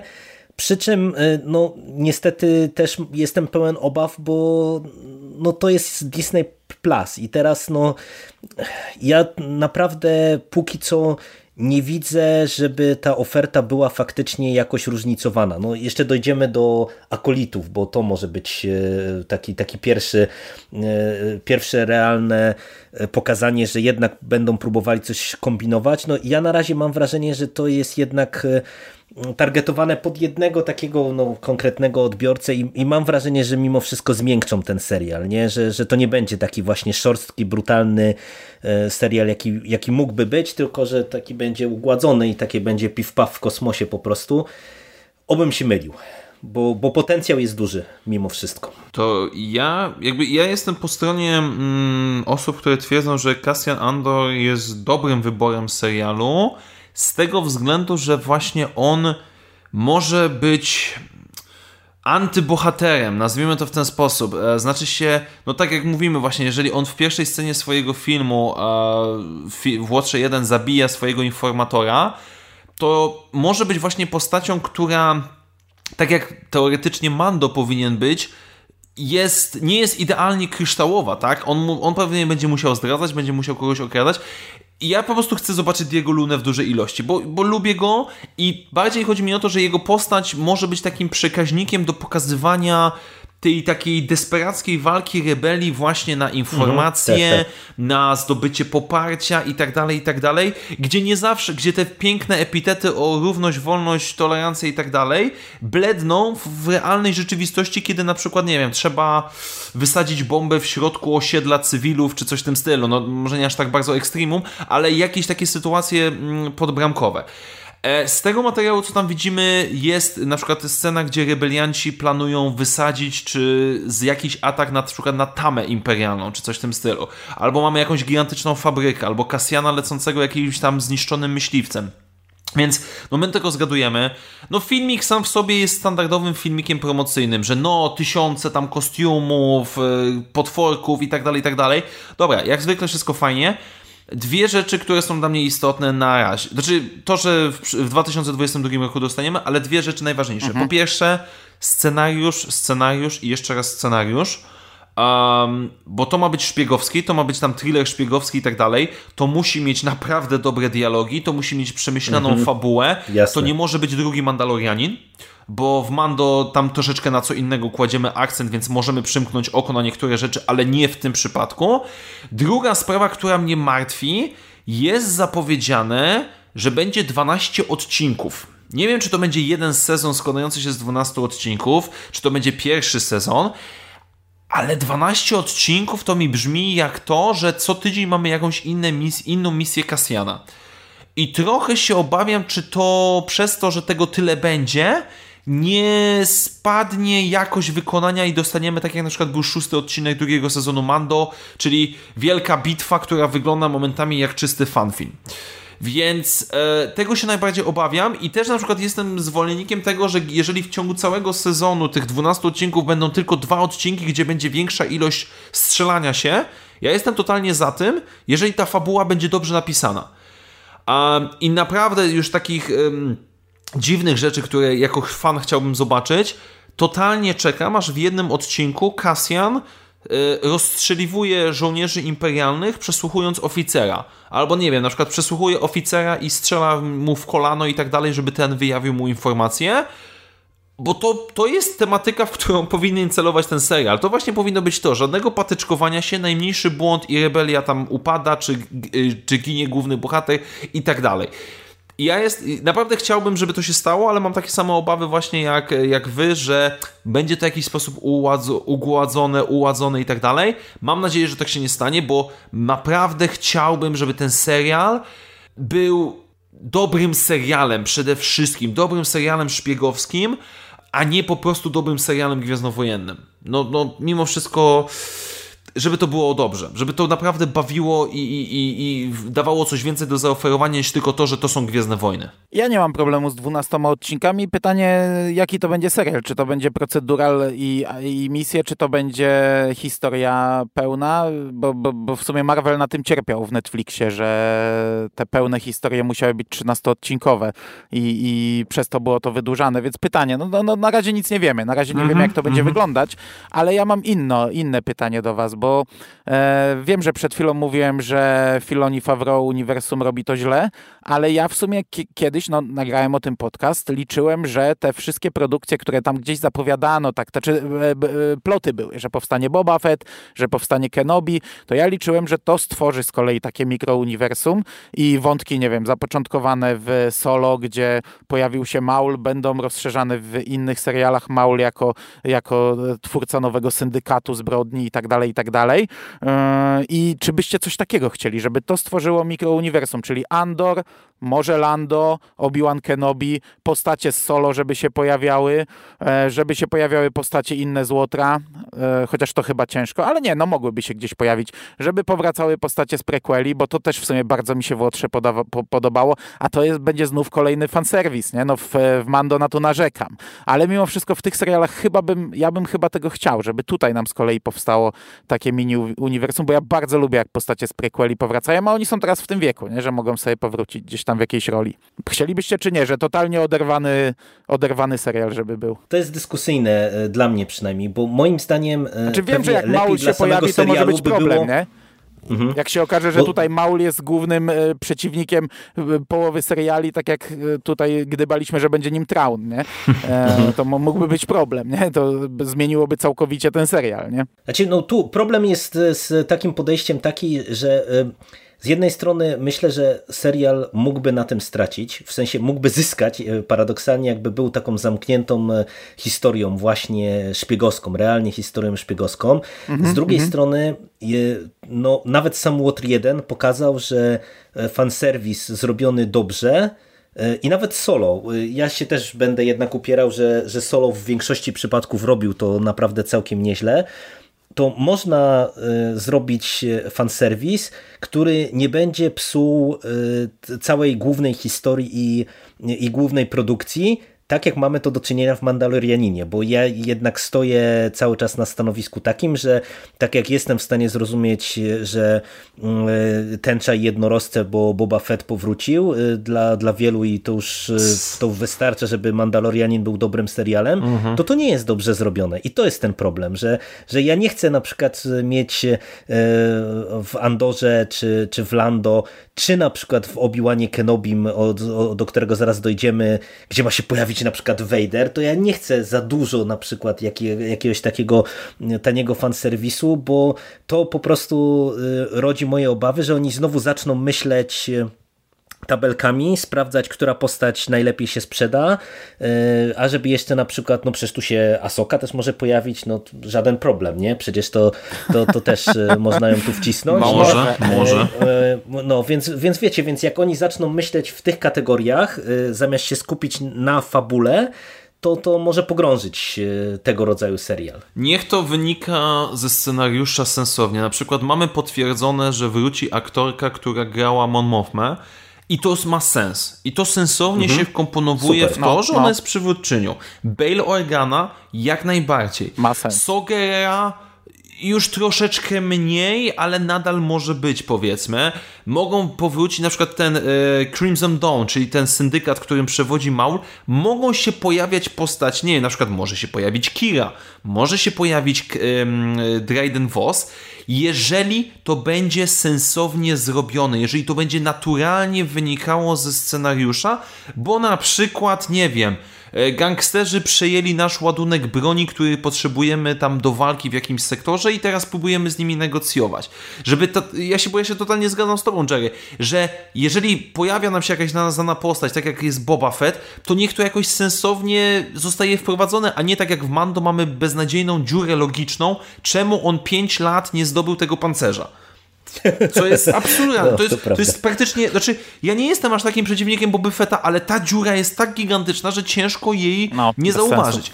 Więc, y, ale nie chciałbym z drugiej strony, żeby to było takie konieczne nawiązywanie na siłę, żeby to były smaczki, żeby to wynikało tak organicznie. Tak jak na przykład, mimo wszystko w MCU, między tymi filmami te powiązania wychodzą same z siebie, one tak kompilują się na dobrze, przyjemnie i żeby to było tak, a nie, że na przykład w danym odcinku musi się pojawić dana postać, albo musi być nawiązanie do danego filmu, serialu i tak dalej. E, I im bardziej się trzymamy ziemi, im bardziej odchodzimy od tych znanych postaci, tym lepiej dla mnie, bo też to jest coś, co mi trochę przeszkadza w Mandalorianinie.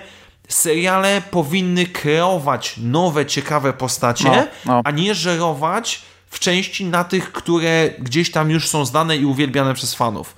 Bo jakby, no, tak jak mówiłem, jeszcze raz, scenariusz, scenariusz, scenariusz, rozwój bohaterów, jakieś emocje. Żeby to było i istniało w, w Andorze, czy też w jakimkolwiek innym serialu gwiezdnowojennym. Zresztą, no, a propos tego fanserwisu, to jeszcze zanim Mando ci, ci oddam głos, no to przecież mówię, naprawdę, Water 1 i Solo pokazali, jak właśnie można to sensownie zro zrobić, na przykładzie e, finału z Vaderem w Łotrze 1 tak. i na przykładzie nawet Maula w Solo, mhm. który się pojawia, który dla e, ludzi, którzy właśnie, nie wiem, śledzili Clone Warsy, śledzili Rebelsów, to był super smaczek. Dla mnie, który w ogóle tych seriali nie znał, to był, wiecie, opad szczęki, ale to nie jest coś, co na przykład psuło całą fabułę tego filmu. No nie, była, nie, no to, było, właśnie, to było tak. nawiązanie, to był smaczek w tle, który się po prostu pojawił i on e, tego filmu nie psuł, a, a dawał fajne właśnie takie fajne zaczepienie mhm. w tym szerszym uniwersum. I tak to powinno być robione po prostu, a, a, a, nie, że, że, że mówię, że się skupiamy i że będziemy e, robić e, film o Andorze, a tak naprawdę właśnie, że będziemy się ekscytowali powrotem tej czy innej postaci, bo, bo jest ważna i znana. Dokładnie, zgadzam mhm. się z zupełnością. No ja się zgadzam. Ja, ja byłbym za tym, żeby te seriale skleiły te dwa filmy fajnie. Solo i Łotra sobie się pobawić w wklejenie tego, ale też mam obawy, że to może być zrobione źle i, i, i w sumie e, chyba, chyba jednak nie wiem, czy nie wolałbym, żeby jednak e, przedstawiały swoje spójne, zamknięte historie. Nie wiem, no zobaczymy. To, to, to jedynie jest takie gdybanie, nie? E, mhm. Natomiast e, przechodzimy do kolejnego serialu, przy którym już w ogóle tylko gdybanie nam pozostaje, bo jest to Lando. Wiemy, że showrunnerem będzie Justin Simien, i on e, zrobił Dear White People. To jest wymieniane jako jego mm, e, flagowy produkt. Ja nie znam tego człowieka, sprawdzałem ja jego filmografię, nie. nie. Nie, znam nic.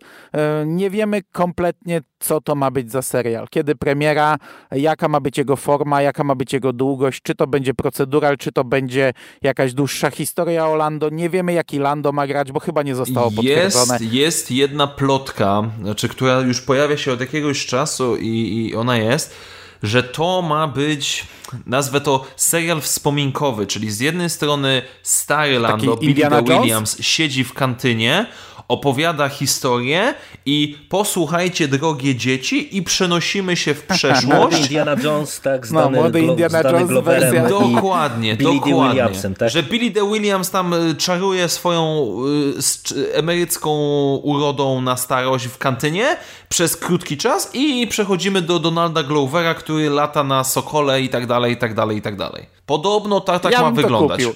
Ja bym to kupił. Nie, nie mam wizji innej na ten y, serial. E, ale taką wersję bym kupił. To jest jedyna, która mi w tej chwili przychodzi do głowy. Oczywiście to mogłoby być coś, nie wiem, mroczniejszego, jak Comics Lando, e, coś zupełnie innego, jakaś spójna historia, jakaś jedna większa, dłuższa przygoda.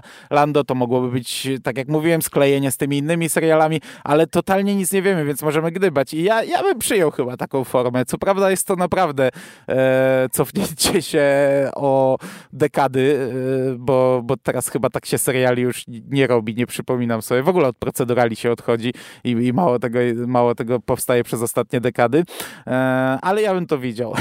Chociaż starego Lando w kantynie siedzącego, nie, no to by trochę bolało za każdym razem pewnie. Znaczy ja, ja jeszcze dodam ze swojej strony, że jakby jakkolwiek lubię Donalda Glovera w wersji młodego Lando i niech on sobie tam robi co chce, ale jeżeli chociaż w jednym odcinku, chociaż w jednym odcinku pojawi się Alden Ehrenreich jako młody Han Solo, to ja po prostu otworzę wszystkie zapasy alkoholu, jakie mam w domu i będę świętował. Bo nadal uważam, że to jest najlepszy casting w Nowych Gwiezdnych Wojnach i też, też i druga sprawa, niech ten Lando trzyma się z dala od wielkiej polityki, niech on trzyma się z dala od wielkich rzeczy i na przykład jeżeli będzie odcinek, gdzie on transportuje, nie wiem, żaby, które mu się rozbiegną po Sokole Millennium i będzie to dobrze zrobione, spoko, nie ma dla mnie z tym żadnego problemu. Albo jak próbuje bajerować jakieś laski, które na przykład, nie wiem, yy, kobieta mu obieca, że yy, wyjdź za mnie, zostaniesz moje bogactwo,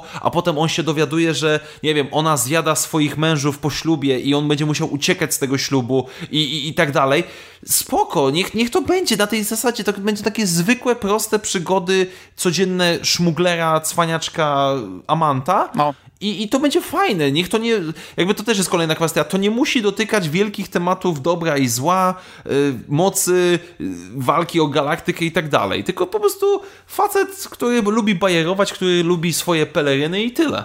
No chciałbym, żeby to w takim kierunku poszło w sumie, ale znowu mam obawy, że te ciągoty do tej skali makro e, będą nieuniknione. No ja o tych plotkach nie słyszałem, ale ci powiem, że e, tak jak ty wspominasz o takiej formule serialu, to chyba w takiej wersji to bym to nawet kupił, bo to by mógł być właśnie taki stricte procedural i, i w sumie takie, takie jakieś tam mikroopowiastki e, spoko. No. Znaczy jedyny problem, nieironicznie to mówię, e, jest wiek Billego de Williamsa, czy on no, na dożyje pewno, i na ile on będzie się prezentował na, na tym ekranie, jak będzie opowiadał, czy chociaż robił wstęp do tej opowieści, więc no zobaczymy. No cóż, no na ten moment nic nie wiemy, więc e, no Znaczy jeszcze czekać. jedna rzecz jest taka, że przecież w solo widzimy jak Lando nagrywa te swoje dzienniki e, Baltazara no, Lando, czy tam robi. jak on się tam nazywał. E, on jest chyba Lando Baltazar Calrissian, czy coś w tym stylu i jakby jeżeli taki będzie tytuł serialu The Adventures of Lando Calrissian, to ja już jestem kupiony, bo to, to może być dobre, to naprawdę może po prostu bawić.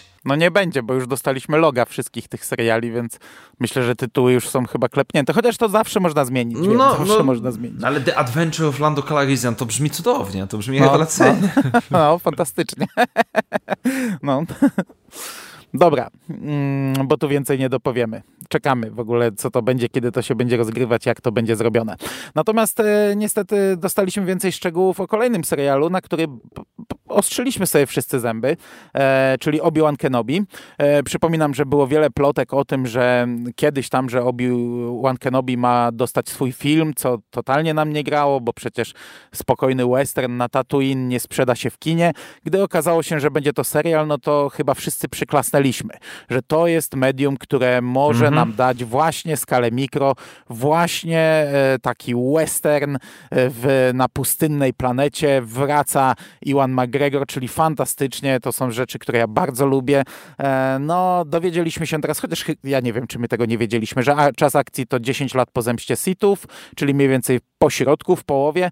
No ale co mm, dowiedzieliśmy się jeszcze i co jest e, najbardziej tutaj kontrowersyjne, że Hayden Christensen powróci w roli Darta Vadera i zostało już chyba nawet powiedziane, Kathleen Kennedy to powiedziała, że to będzie rewanż stulecia, czyli dojdzie tutaj do konfrontacji gdzieś, no nie może dojść na tatu. To, to jest, to jest największy problem. Ten powrót Haydana Christiansena to moim zdaniem nie jest jakiś problem, bo ja bym go widział totalnie e, jako po prostu gdzieś tam postać, która mignie w trzecim planie na zasadzie Maula w solo, natomiast ja się przestraszyłem bardzo jak usłyszałem ten cytat z Kathleen Kennedy, że właśnie to będzie rewanż stulecia, to bo dla mnie nawet nie to jest, jest kuriozalne. Nawet nie jest cytat z Kennedy, tylko e, Deborah Cho, która ma być e, jakby główną osobą odpowiedzialną za ten serial, udzieliła wywiadu, nie pamiętam czy Vanity Fair, czy gdzieś indziej, Um, i, I tam osoba, która prowadziła ten wywiad, też widziała różnego rodzaju grafiki koncepcyjne, i tam autentycznie jest na przykład miecz niebieski krzyżujący się z czerwonym.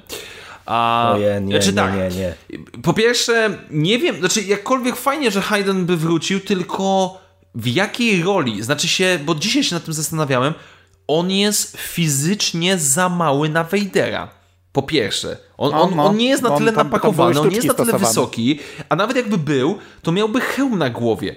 Więc pierwsze, co mi przychodzi do głowy, to retrospekcje. Że może albo znaczy, na wiesz, przykład może też, może alternatywne wizje, że na przykład Obi-Wan siedzi na Tatooine, medytuje i na przykład widzi, co by było, gdyby, nie wiem, Anakin nie uległ ciemnej stronie mocy, etc., etc., etc. Może. Znaczy... Może. Ale myślisz, że w taki trolling by poszli Ale przy wraca, serialu? Jeśli wraca w roli Darta Vadera, no to to na pewno nie będzie co by było gdyby.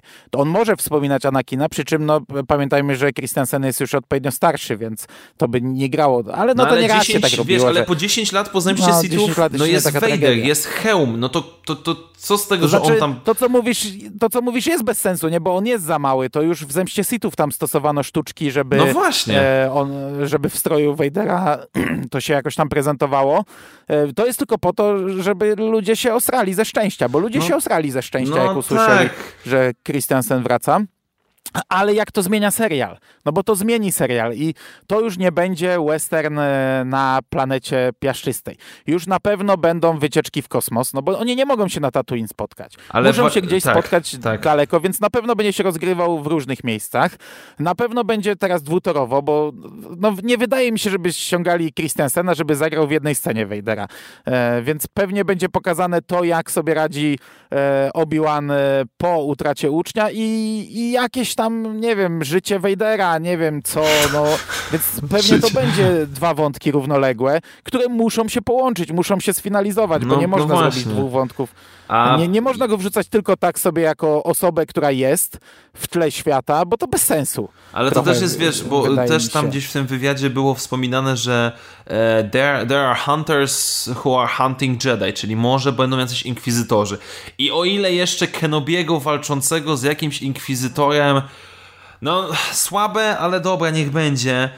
Ale jakby wiesz, jakby spotkanie Vadera i Obi-Wana między trzecim a czwartym epizodem jakby zaburza w ogóle ich rozmowę w czwórce, gdzie jak ostatni raz się widzieliśmy, ja byłem uczniem, a, a ty byłeś moim mistrzem, teraz jest na odwrót i tak dalej, i tak dalej. jakby i, i, i, i wiesz, i jakby w całym tym wywiadzie najbardziej mnie uderzyło, Deborah Cho mówi, że no w takiej sytuacji, gdzie mamy serial o Kenobim, nie można zrobić czegoś innego niż spotkanie z Vaderem. I ja takie, no właśnie można! Nie, nie, no, no, no ale no, to bzdura znaczy, jest. No właśnie, no, takie, no właśnie to jest to ostatnia rzecz, okay. którą zrobimy. Ale znaczy, inaczej. tego, co mówisz rozmowy, to wiesz, Grievous w epizodzie trzecim, gdy e, Obi-Wan i e, Anakin wchodzą na statek, on mówi, myślałem, że jesteś niższy do Obi-Wana, czy coś takiego. I nigdy się nie spotkali w TCW, tak. Mhm. No.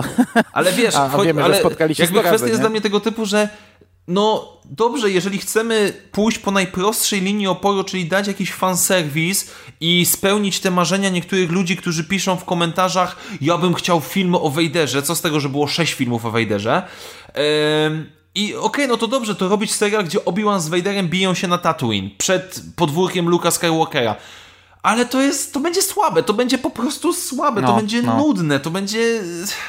Jecha a szczególnie, że mamy świetny materiał do dobrego scenariusza, cięższego do napisania, może dlatego to jest problem, e, Kenobi, który rozważa swoje życie, swoje błędy.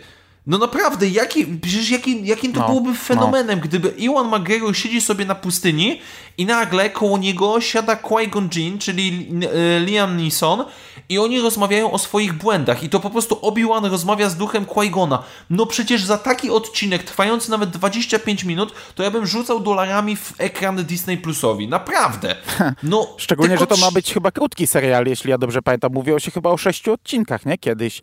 Czy ja teraz Nie mylę? wiem nawet ile tego ma być. Nie, nie. Wydaje mi się, że o znaczy, to może być tak jak mówisz, nie? To, to, to, to może być tak jak mówisz, że serial. ten Vader pojawi się w wizji. Jako Vader, jako Anakin i że on się będzie w taki sposób pojawiał, to może tak być. To okay, jeżeli to tak będą my... wizje nie, i na przykład w wizji Obi-Wan walczy z Vaderem, wizji, to spoko. No przecież Luke skrzyżował miecz z Vaderem sobą w, na, na, na, na Dagoba. To, mo, to mogą być takie rzeczy, nie? No to e, Co w prawda, takiej to tak formie zmieni to moje wyobrażenie kupić. o tym serialu. No w takiej formie bym kupił, ale nie jak tu się mówi, że, że nie mogło być inaczej, że musiało do tego dojść, że rewanż stulecia, no kurde, w wizji nie ma rewanżu stulecia.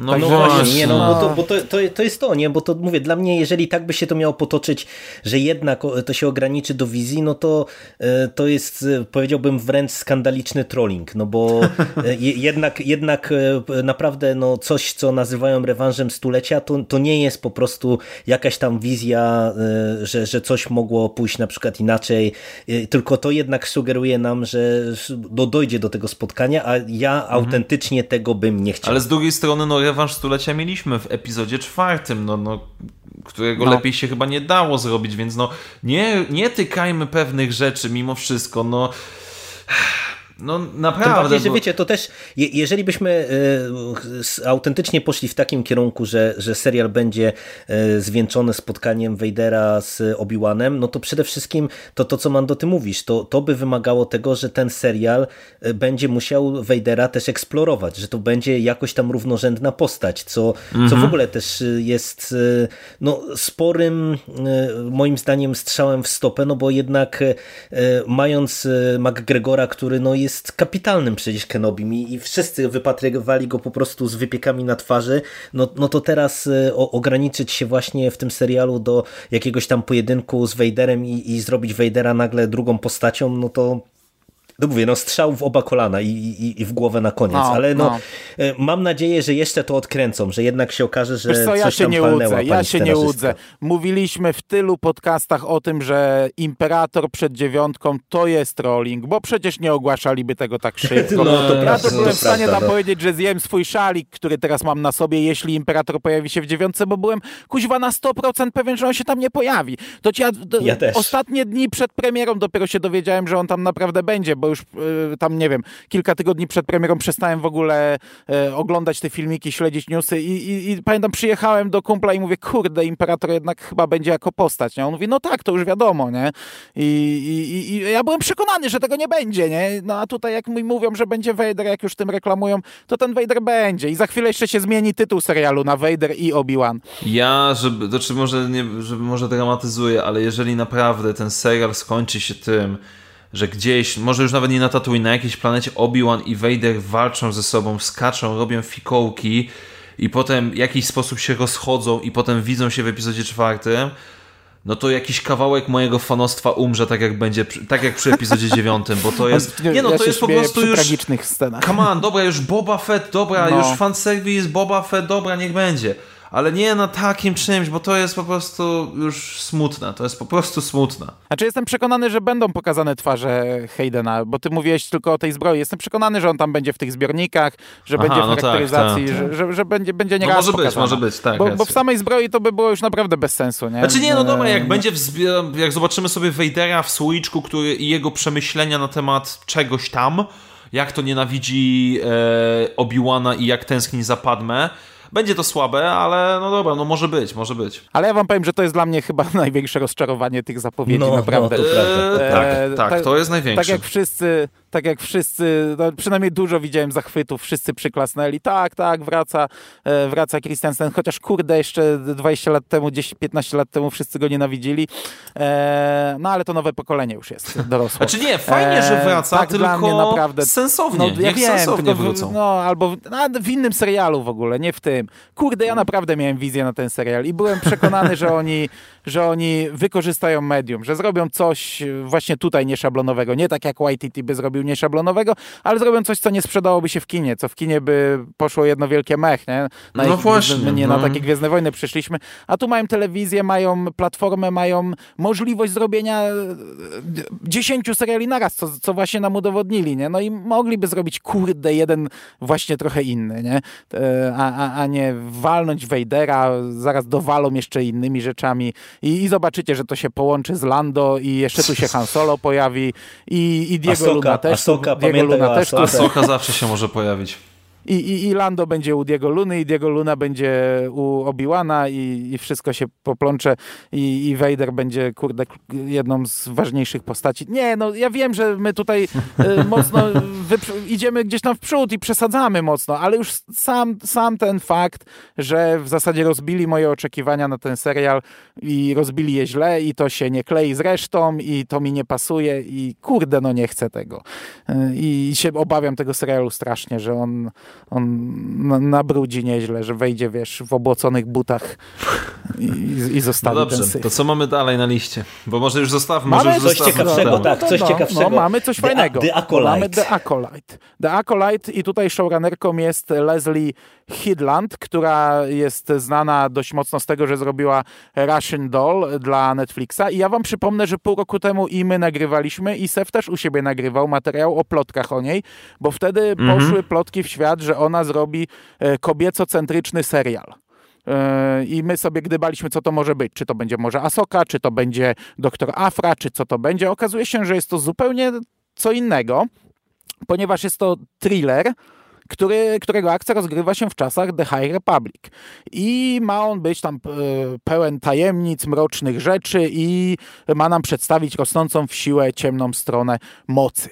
Nic o tym serialu nie wiemy, znów nie wiemy jaka forma, nie wiemy kiedy premiera, nie wiemy czy, e, czy ciągłość, Mando, czy... Jedna rzecz, którą warto dodać, jedna rzecz, mi się, to serial ma się dziać w końcówce The High Republic. No, no, no, no, Samo High Republic, które teraz nam się będzie rozpoczynało, dzieje się 200 lat przed e, chyba epizodem pierwszym albo epizodem czwartym w sumie, to już nie ma wielkiej różnicy.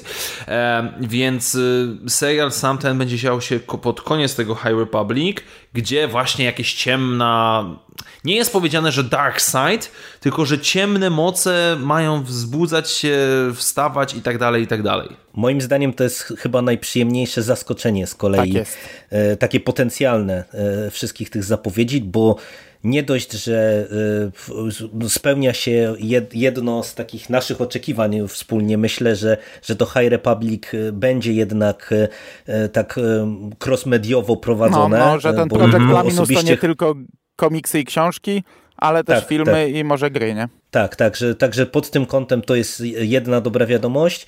E, druga dobra wiadomość to jest to, że zapowiadają właśnie, że to jest e, ponownie jakiś tiller, coś mrocznego, i trzymam kciuki, żeby tak jak przy Andorze tego nie stępili, tylko żeby to faktycznie było e, coś poważnego, taka telewizja dla dojrzałego odbiorcy po prostu. No i trzecie, to w sumie jest też dla mnie bardzo, bardzo duży plus samo, samo to, że to będzie na naprawdę coś zupełnie innego. E, bo, bo nie dość, że jakby High Republic to jest jakby zupełnie nowa działka, e, to mam wrażenie, że tutaj to jest taki no zupełnie koktajl, który może zaserwować nam coś totalnie świeżego, coś totalnie innego i dla mnie to jest bardzo ciekawa rzecz i, i, bardzo, bardzo na to czekam, chociaż no nic nie wiemy tak naprawdę, więc mogą to spaprać na milion sposobów. Znaczy zobaczymy jak samo High Republic wypadnie, bo to jest niezwykle no właśnie, właśnie. ważna rzecz. Um, jest to serial, który będzie dział się w naprawdę niezapełnionej przestrzeni, bo wszystko, co do tej pory omawialiśmy, no może poza tym Rogue Squadron i... Znaczy nie, w seriali, w serialach wszystko wiedzieliśmy, gdzie mniej więcej się będzie działo, już mieliśmy jakieś otoczenie. Tu mamy zupełnie mhm. coś nowego, zupełnie inny sposób. Moja główna obawa jest tylko taka, jeżeli to jest serial dotyczący tam ciemności, zła i tak dalej, jak bardzo on będzie dotykał Jedi. Ja się po prostu boję kiepskiego wykonania dużej ilości Jedi na małym ekranie. Znaczy się, żeby budżet pozwolił, o ile ci Jedi będą w jakiejś większej ilości i, i czy w ogóle się tam pojawią. Więc nie, jestem zaintrygowany i nie, myślę, bardzo czekam. Bać, bardzo wiesz? czekam, bo ja na przykład jestem bardzo zwolennikiem, wiele osób mi to wypomina, ale ja bardzo lubię te y, łączyć różne wątki z różnych książek, komiksów i tak dalej. I na przykład przy okazji y, niektórych odcinków Mando dostaję opiernicz w komentarzach, że po co się czepiam jakiejś tam książki. High Republic jest, właśnie czekam, liczę na to, że High Republic tam wszystko będzie się spinało, komiksy, książki i właśnie serial i po prostu niczym Leonardo DiCaprio z ostatniego filmu e, Tarantino, co chwilę będę oglądając serial, o, o, o, o, o, o, o, to się łączy. Więc autentycznie na to czekam i, i mam nadzieję, że to będzie coś, coś dobrego. Znaczy, ja czekam pod e, wieloma względami. Po pierwsze to, co mówicie, czyli nowy obszar, e, nowe, nieznane czasy, w ogóle nieznane realia, e, plus część większego projektu, które niestety, no ja jako polskojęzyczny odbiorca, e, no wierzę w Egmont, wierzę w Egmont, że dostarczy nam to szybko, ale nie wierzę w Uroboros, e, więc, więc będę miał wybrakowany no, ten, e, wizję całości, ale to jest jedna rzecz. Fajnie, że dołączałem na razie pierwszy serial, może coś więcej. Druga rzecz, że to jest thriller, a ja lubię mroczne rzeczy, więc mam nadzieję, że to tutaj pójdą faktycznie w, taki, w takim fajnym kierunku, który lubię. A trzecia rzecz właśnie, że to są Jedi i że to będą miecze świetlne, bo tak jak powiedziałem gdzieś tam na początku, definicją Gwiezdnych Wojen u mnie były myśliwce, walki kosmiczne, rebelia kontra Imperium, no to umówmy się, e, wychodzi mi to każdym otworem ciała już powoli, nie? I po tych pięciu filmach w kinie, e, po serialu Mandalorian i po tych w zasadzie wszystkich zapowiedziach prawie, które tutaj e, przejechaliśmy, no to kurde, to jest dla mnie takie wow, nie? znów będą walki na miecze, znów będą, e, będzie trochę takiej, nie wiem, e, e, no, no, no, tego, czego brakuje od, od lat w Gwiezdnych Wojnach. Także ja na to czekam i ja, ja ci powiem, że ja się nie obawiam wykonania.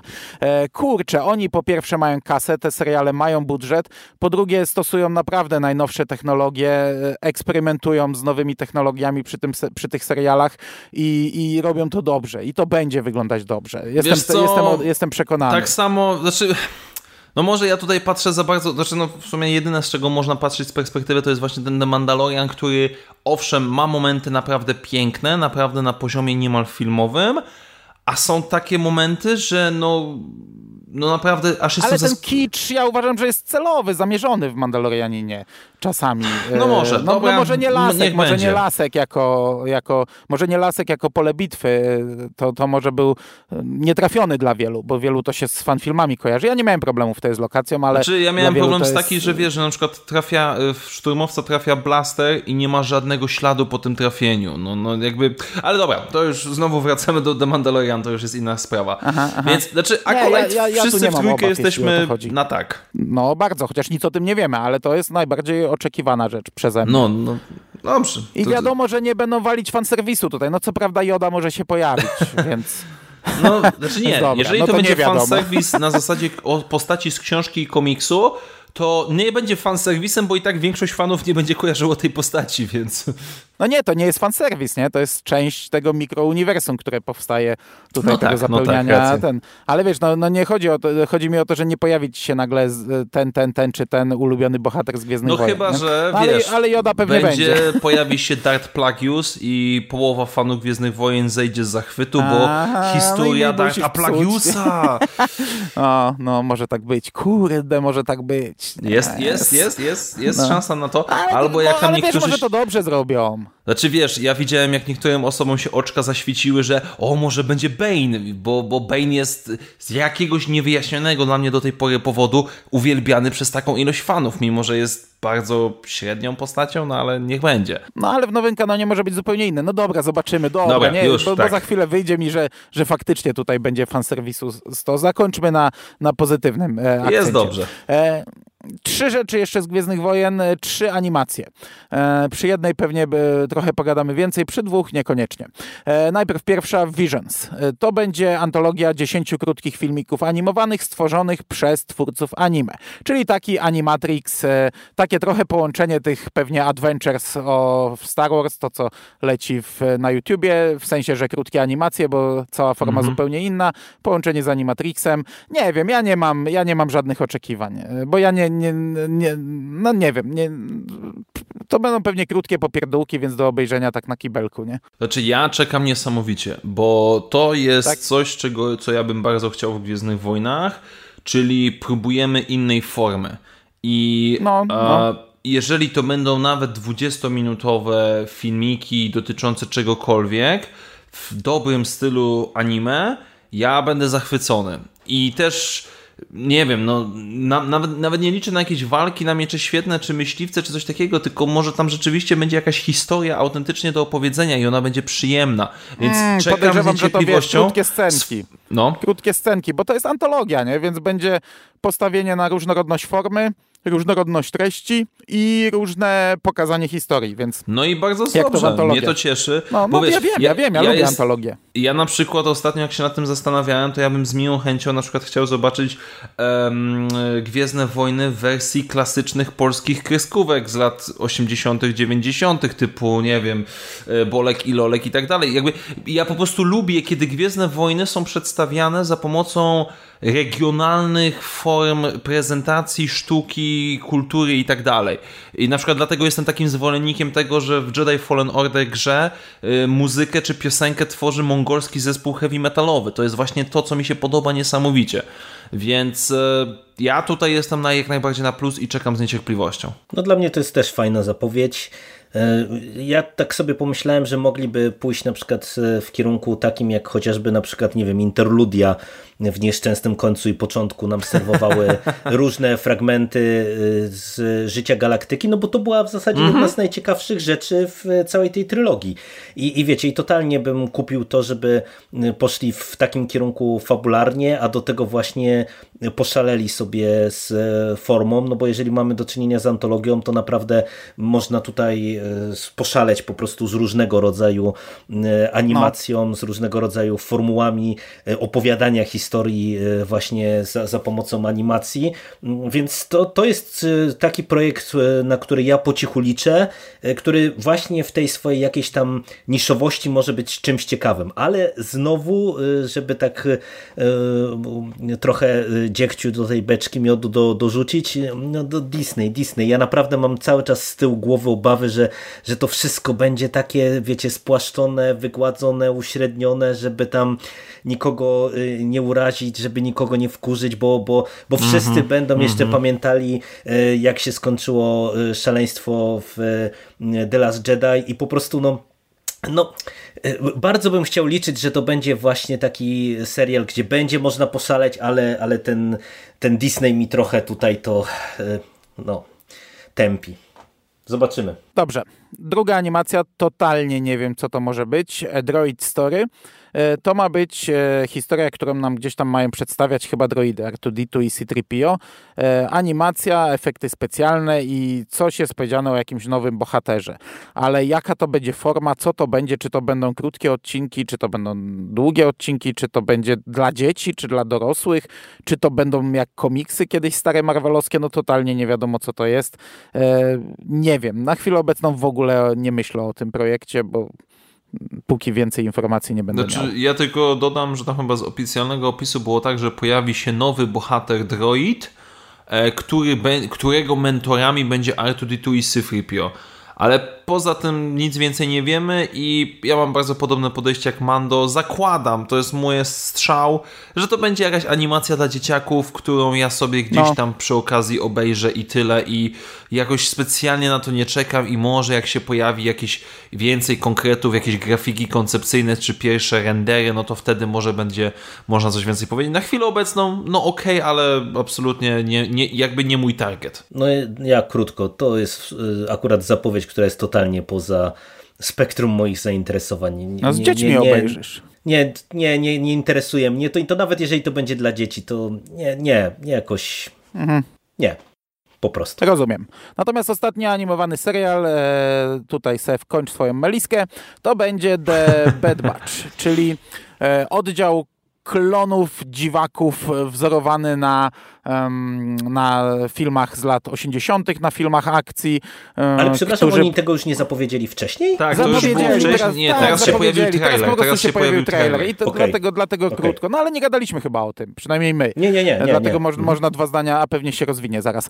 E, pojawił się trailer. No wiemy, co to jest. Jeżeli widzieliśmy ta, ten czteroodcinkowy mm, segment w siódmym sezonie The Clone Wars, e, dla mnie to było spoko w The Clone Wars. Ja nie miałem z tym problemu, chociaż e, zgadzam zgadzam się z wszystkim, co Sef tam punktowałeś, że to przepakowane, że to sztampowe, bo to musi być tank, bo to musi być snajper, komputerowiec, ten wielki BA Barakus musi się bać wysokości i tak dalej, ten, ten główny wygląda jak Rambo, i, i ale e, akcja tu się przenosi po, w mroczne czasy, po, mm, rozkaz 60, po rozkazie 66, po mm, e, zemście Sithów, więc w sumie jakoś zostanie pewnie wyjaśnione, dlaczego one się jeszcze bardziej zbuntowały, chyba, że to już było, że sobie te chipy powycinały, nie pamiętam. Eee, no widać, że to jest, e, że to jest e, Clone Wars, spin-off Clone Wars zrobiony identycznie. E, podobało mi się to spalenie logo na końcu, gdzie mamy logo Clone Wars, które się pali i pojawia się Bad Batch. Ja mam problem, czy to jest temat na serial, bo tak jak się bawiłem w miarę na tym czteroodcinkowym segmencie, chociaż to nie, by, to nie były jakieś szczyty w tym siódmym sezonie, to nie wiem, czy chcę oglądać o tym serial. No obejrzę, ale czy, czy to jest mi potrzebne, nie sądzę. A jako, że ja tu nic nie będę miał do, do powiedzenia, to tylko zadam e, wam pytanie i, i oddaję wam głos, bo jako człowiek, który nie widział Clone Warsów, no to ciężko, żebym czekał na ten serial. E, jak można tam pożenić Bad Batch z Tarkinem? Bo mamy tutaj scenę w tym trailerze, że, że gdzieś tam Tarkin obok nich się przewija. To mogę ci odpowiedzieć, że to jest najbardziej intrygująca mnie rzecz, taka dająca promyk nadziei, E, co oznacza, że prawdopodobnie nasz Bad Batch został wierny Imperium po rozkazie 66 i wykonuje zadania specjalne dla Tarkina, bo ja na przykład zakładałem, że oni po prostu na początku serialu staną się dobrzy, zbuntują się i na przykład będą taką bandą Robin Hooda czy coś w tym stylu. E, więc, mhm. ale na razie nie wiemy. Na razie ciężko jest nam powiedzieć, e, nie wiemy dlaczego. No zakładam, że ze względu na swoją efektywność Tarkin ich wziął do siebie i zaczęli dla niego wykonywać jakieś tam zadania. Ale to jest moje zgadywanie na chwilę obecną. Okay. E, natomiast okay. z mojej perspektywy to są Clone Warsy wersja 2.0, po prostu bez no. Jedi. No. I tak jak Mando mówisz, ja się totalnie zgadzam i nie, absolutnie nie jesteśmy jedynymi osobami. Tutaj trzeba się, tutaj naprawdę trzeba będzie coś wymyśleć, bo jeżeli cały serial po prostu będzie o tym, że oni są typowym zespołem komandosów niczym z lat 80., to po kilku odcinkach wszyscy zasną z nudów, no bo nic się nie będzie działo. Więc liczę na to, że tutaj pod tym kątem to będzie um, naprawdę jakiś tam rozwój tych, tych postaci. I nawet bym się nie obraził, gdyby poszło na zasadzie nasi główni bohaterowie no są po stronie Imperium i mają to gdzieś i, i, i mhm. naprawdę autentycznie są źli no nie podchodzę z jakąś tam wielkim ekscytacją czy, czy, czy smutkiem, po prostu no jest to, będzie to animacja Clone Warsy 2.0 o klonach i szturmowcach i tyle. Więc jakby... Jo, jo, może. Dla mnie to jest ok, niech będzie w trakcie. Znowu będzie pewnie tak, że wszyscy się strzelają z dwóch metrów i nie trafiają, ale to już jest standard. Spoko. Po prostu no jestem zaskoczony, bo główna, e, główny zespół, no mówię, jest stereotypowy, standard, sztampowy, więc będzie trzeba się trochę namęczyć w scenariuszu, żeby coś z nich wykrzesać. E, a i oczywiście też Widzimy dalsze budowanie e, Filoniversum, e, czyli w, tra w trailerze widzimy tą Fenning Shan, e, tą łowczynię nagród z The Mandalorian, jak i również widzimy, znaczy coś tam, te droidy, bo droidy bojowe, które już były w Rebelsach Imperialne, które niektórzy łączą z Dark Trooperami z The Mandalorian też. Więc generalnie, dobra, Filoni się bawi w swojej piaskownicy i ja tutaj nie jestem negatywnie nastawiony, ale to też nie jest za bardzo mhm. moja bajka, więc jak będzie to obejrzę, zobaczymy. Okej. Okay. E, I teraz tak, czy my jeszcze będziemy chcieli dwa zdania o dwóch zapowiedziach Lucasfilm powiedzieć, czy już sobie darujemy? E, bo, bo tak zapowiadałem ten podcast, że jeszcze w Nie, nie, ja tu chciałbym myślę, jeszcze... że, myślę, że powiedzmy, to nie, nie będzie no, to No, ale nie ma, bo ja na przykład Willow nie oglądałem, więc... Zanim jeszcze do Willow i ten... O Jezus Maria. Niby znam Sewa tyle lat, a za każdym razem to dziwi. E, ale jeszcze zanim do tego przejdziemy, ja bym chciał jeszcze to podsumować. Czy uważacie, Dobra. że to, to, to jest bo, bo ty sobie krytykowałeś zresztą, no, nie sposób nie krytykować tego, jak, e, jak Lucasfilm, jak Disney traktuje tę markę, w sensie, że te zapowiedzi, plotki, to, że nie wiadomo w ogóle w jakim kierunku idziemy, co się dzieje, nie robią nam żadnego święta, żadnej, żadne, nie wiem, nie, nie podsycają zainteresowania, to wszystko jest e, przez lata chaotycznie było robione. Czy dla was to był dobry ruch, że nagle jednego dnia, gdzie w ogóle o tym nie wiedzieliśmy, rzucili nam na mordę zapowiedzi ilu? E, dziewięciu seriali i dwóch filmów, czyli 11 produkcji z worka Star Wars. E, co prawda to pewnie może są zapowiedzi na lata, ale czy, nie wiem, to, to jest dla was spoko takie coś, że nagle dostajemy jeps, macie tu pokorek zapełniony, e, po, po, pożygajcie się, czy, czy nie, czy, czy, czy fajne? nie wiem, ja w, tak, cały czas jestem w lekkim szoku, że, że tak nam to podali.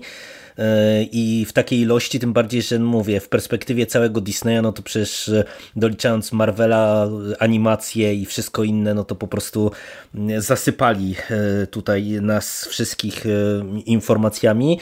Ja mam cały czas duże wątpliwości, bo w sumie zapowiedzieli dużo rzeczy, ale tak naprawdę ma bardzo mało konkretów. I żeby nie przedłużać, to wam powiem, że dla mnie największym problemem całej tej prezentacji było to, że nie powiedzieli nic w kontekście rozwoju samej platformy. My tak gdzieś rzuciliśmy między wierszami, to mogło nie wybrzmieć, że po prostu platforma ma za mało kontentu, więc dla mnie w sumie z tej perspektywy ten ruch, y, czy tego rodzaju ruch w ogóle, że y, w momencie, kiedy streamingi się zbroją Disney, y, żeby pokazać akcjonariuszom, że, że ma plan wywala nagle w ogóle 30 seriali y, na najbliższe lata, to jest zrozumiałe i, i okej. Okay. Natomiast y, ja naprawdę nie jestem w stanie pojąć, dlaczego Disney y, od ponad roku totalnie ignoruje rozwój Disney Plus jako platformy streamingowej szeroko dostępnej. No bo umówmy się, przy takim zasypie y, produkcji, y, no to wiecie, teraz mając tylko Mandalorianina, no to pewnie mm, sprzedaż na y, świecie może nie byłaby jakaś oszałamiająca, no bo to jest mimo wszystko jeden serial. Ale no, zapowiadając takie multum produkcji y, i olewając tak naprawdę właśnie szeroki y, świat dystrybucji, no to dla mnie to jest coś niepojętego. I, i, i ja autentycznie byłem w szoku, że ta cała prezentacja dla inwestorów nie skończyła się właśnie informacją, że mamy harmonogram taki, że nie wiem, y, w Chinach wchodzimy wtedy, w Indiach wchodzimy wtedy, w Europie Wschodniej wchodzimy wtedy. No, to jest dla mnie największe negatywne zaskoczenie, poza y, zmianą kierunku serialu o Obi-Wanie. Znaczy tak, dla mnie um, odnosząc się tak tylko off-top mały tego, co, bo ostatnio właśnie y, tak a propos kontentu na Disney+, Plus gdzieś tam się pojawiło informacja, że najnowsze odcinki The Mandalorian ogląda cztery razy więcej osób niż drugą kolejną pozycję na Disney+. Plus. I moje pierwsze pytanie było, a coś na Disney Plus jest poza The Mandalorian w sumie? Bo tak, taka jest prawda, że tam no, poza tymi rzeczami, które już są, to raczej nic się nie pojawia jeszcze, więc okej. Okay. Um, nie wiem, jak to jest z tymi zapowiedziami, kiedy i gdzie ta platforma będzie dostępna, bo na przykład ta Europa Wschodnia, czyli Polska między innymi, już od jakiegoś czasu jest, że 2021. Więc y, tutaj, ok, rzeczywiście z takiej perspektywy dużej, ale ja się skupię jak zawsze na Gwiezdnych Wojnach. Seriale są zrozumiałe. Znaczy się, tak, trzeba zapełnić y, platformę. Y, streaming teraz przeżywa rozwój, no bo pandemia i tak dalej.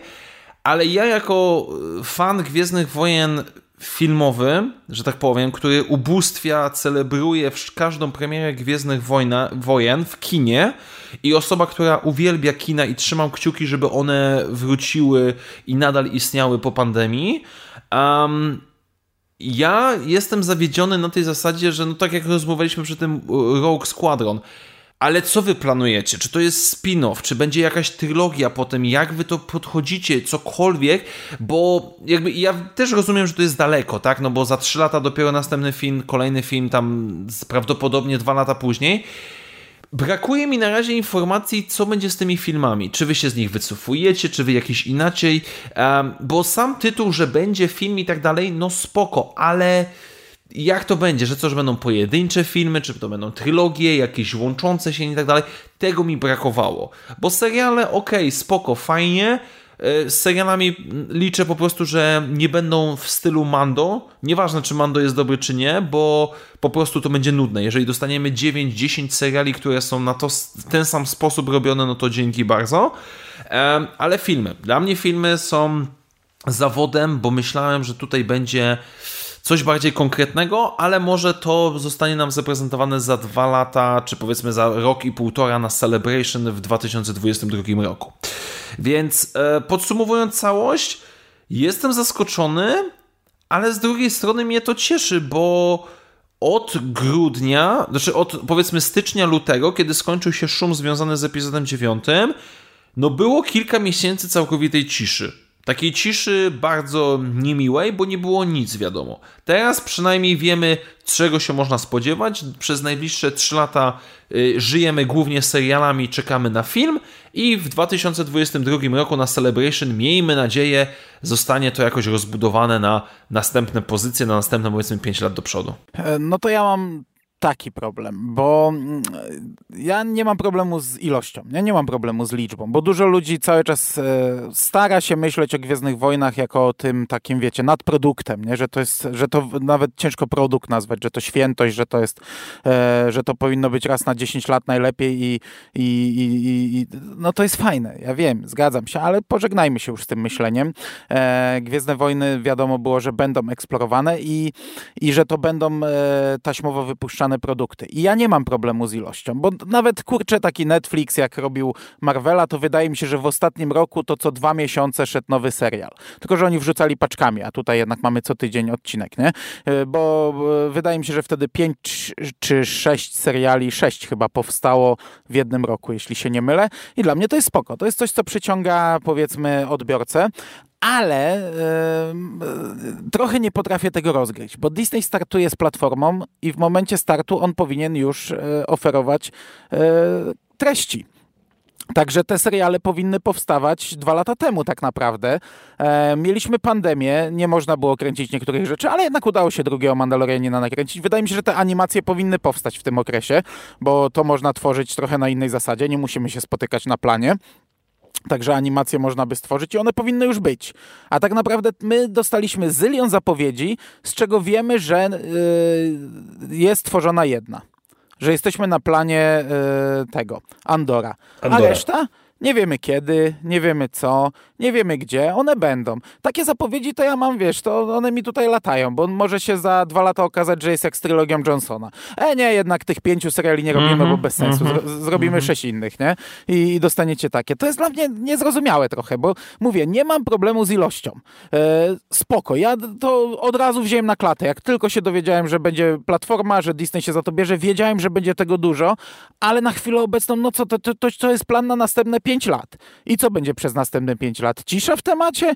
Będziemy sobie czekać, może coś powiedzą. Ja jestem przekonany, że o połowie z tych, te, z tych możemy, możliwe, że zapomnimy. Że one jednak nie powstaną.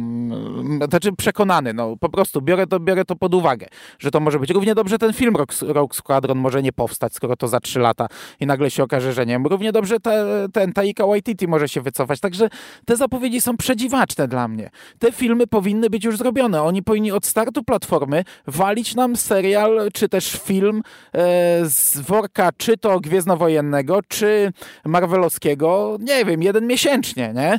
E, i, I tu nie można mówić o pandemii, bo platforma wystartowała przed pandemią, te rzeczy powinny być gotowe przy takiej platformie. Ja nie rozumiem startu tej platformy.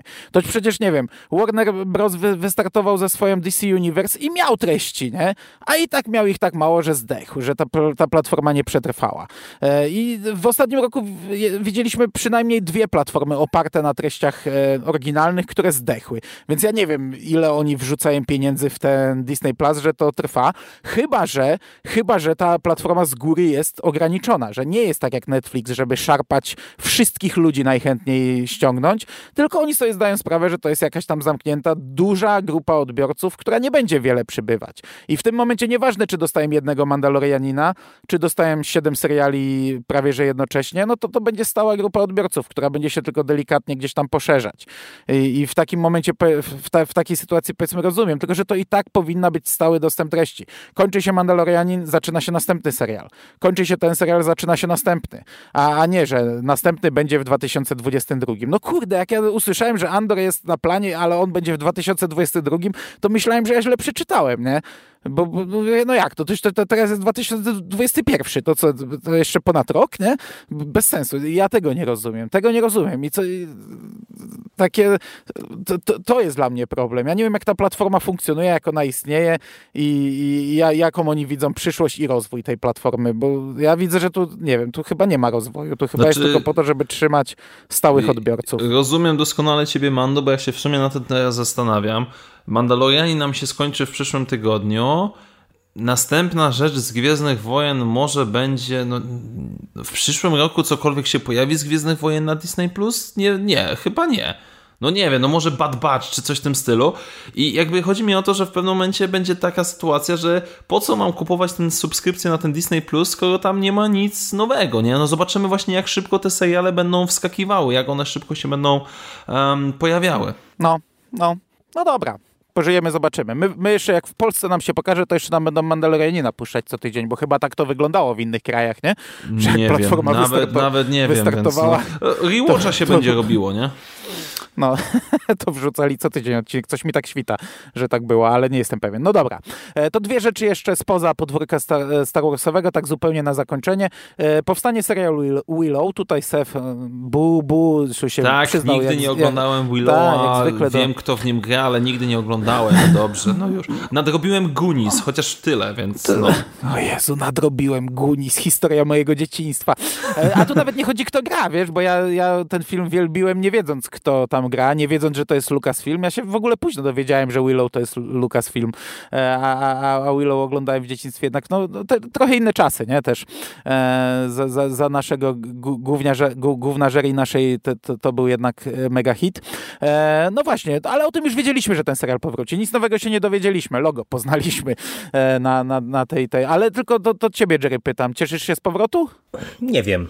Chyba... Y Ostrożnie tak. My chyba nawet już w jakimś przekaście e, mówiliśmy o tym serialu. A to musiało być beze mnie chyba. E, mówiło się dawno tak naprawdę.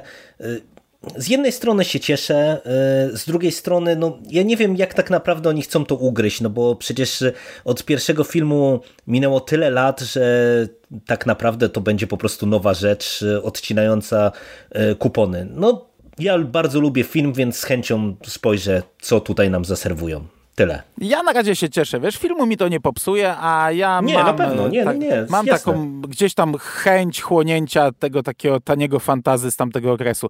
Pamiętam, jak obejrzałem pierwszy odcinek Mandalorianina i tam jest ta scena, jak on na tych zwierzętach jedzie, taka pokraczna, tandetna animacja na tej takiej popękanej pustyni, e, to mi się tak po prostu wtedy tak serducho zabiło. Mówię, kurde, jak, jak Willow czy, czy Iwoki, nie? I jakby zrobili to w tym stylu, ja, ja chętnie łyknę ten serial. On no, niekoniecznie może się okazać dobre, ale czekam na razie. E, także tylko tyle, bo tu nie ma sensu rozwijać tego więcej. Natomiast wiemy kolejny raz, e, zylionowy raz, że powstanie nowy Indiana Jones.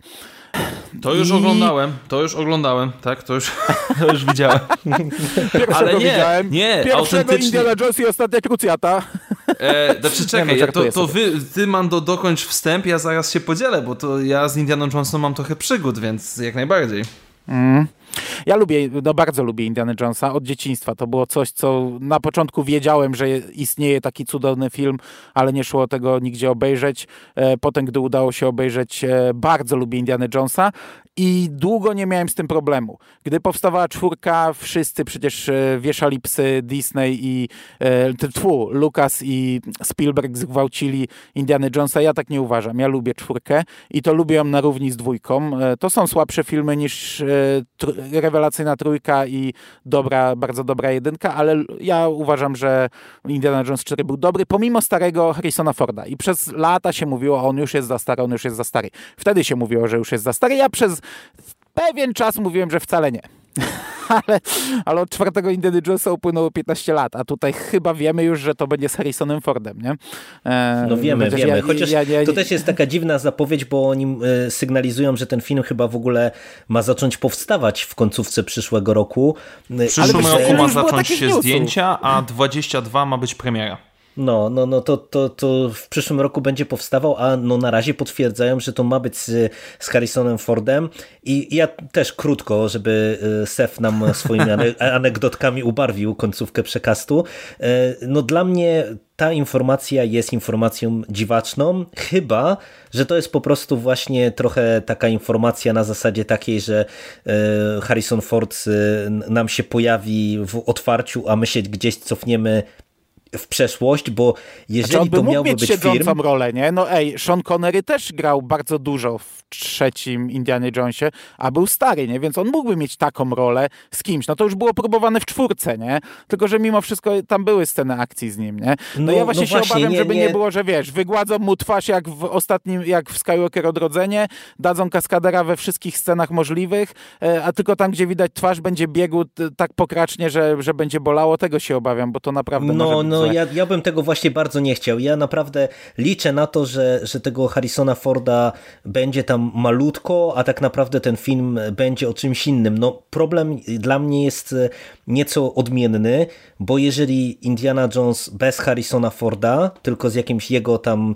e, udziałem e, małym, no to co to ma być tak naprawdę za film? I ja póki się nie dowiem, jaki jest pomysł na tego Indiana Jonesa, o którym wiemy od lat i wiemy też, że z różnego rodzaju plotek, że e, tych e, scenariuszy, wersji scenariusza przecież powstało już pewnie e, dziesiąt, jak nie setki, no to ja na razie jestem raczej na nie, pomimo tego, że ja też nie jestem jakimś wielkim hejterem czwórki. Byłem w kinie, widziałem tylko w kinie, ale wspominam całkiem spoko ten film.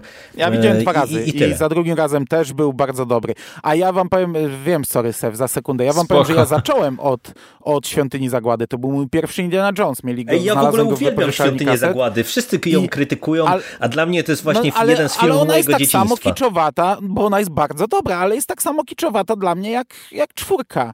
I ja czwórkę lubię za wiele rzeczy. Lubię ją za szkarłatnego Willa, którego nie poznałem przy pierwszym seansie w ogóle, dopiero potem doczytałem, że to on. Też byłem w kinie, zmusiłem klasę, byłem wychowawcą, że mają iść, bo nie miałem czasu sam, więc poszliśmy na wycieczkę. Trójkę też widziałem w kinie w, w tym okresie, jak powstała.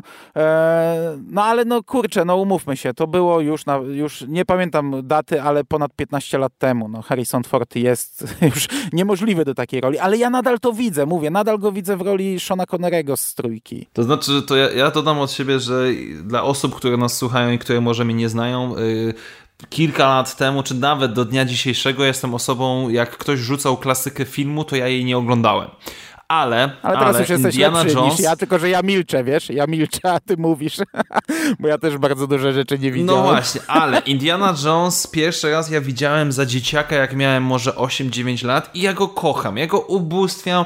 Wszystkie, całą trylogię tą klasyczną, nazwijmy to w ten sposób, widziałem kilka, kilkanaście razy, zawsze jak było w telewizji, to się oglądało i tak dalej. I na przykład... Specjalnie dla tego trochę podcastu przed nagrywaniem obejrzałem sobie na Netflixie czwórkę. Absolutnie nie wiem, dlaczego South Park zrobił odcinek o tym, że George Lucas i e, Steven Spielberg gwałcą Indiana mm, Jonesa. Gwałcą. Bo jest on, nie to, że jest wybitny, ale jest ok. Znaczy się, ja na przykład tak, ja wszystkie, wszystkie trzy pierwsze filmy ubie, u, uwielbiam na równi. Świątynia Zagłady jest dla mnie rewelacyjna. Yy, wiem, że tam niektóre osoby na przykład z, gdzieś tam w komentarzach na filmie mówią, że tam są jakieś rasistowskie rzeczy, ja ich za bardzo nie widzę, może są, ale nieważne. Yy, I czwórka też jest w porządku, no ma problem taki, że mogłaby być dłuższa oraz, no jest to CGI z lat 2000-2010, co niestety bije po oczach, że to jeszcze, no to były takie nie szczyty tej technologii. Um, I jedyne, co mnie absolutnie bawi, to właśnie Harrison Ford, który podobno bardzo lubi tą rolę i on beze mnie Indiana Jones nie może powstać. Um, w scenach akcji, biorąc pod uwagę, że on 5 lat temu w Przebudzeniu Mocy już jak biegał, to co najwyżej truchtał i, i no, to było no, no, uciekał przed tymi widoczne. Stworami. Więc e, ja go nie widzę, żeby on coś robił. Poza tym, że na przykład siedzi na emeryturze i jest po prostu grumpy, bo Harrison Ford obecnie już tylko i wyłącznie jest marudą. On po prostu życiowo, aktorsko zawsze jest marudą. E, I to jest jego styl.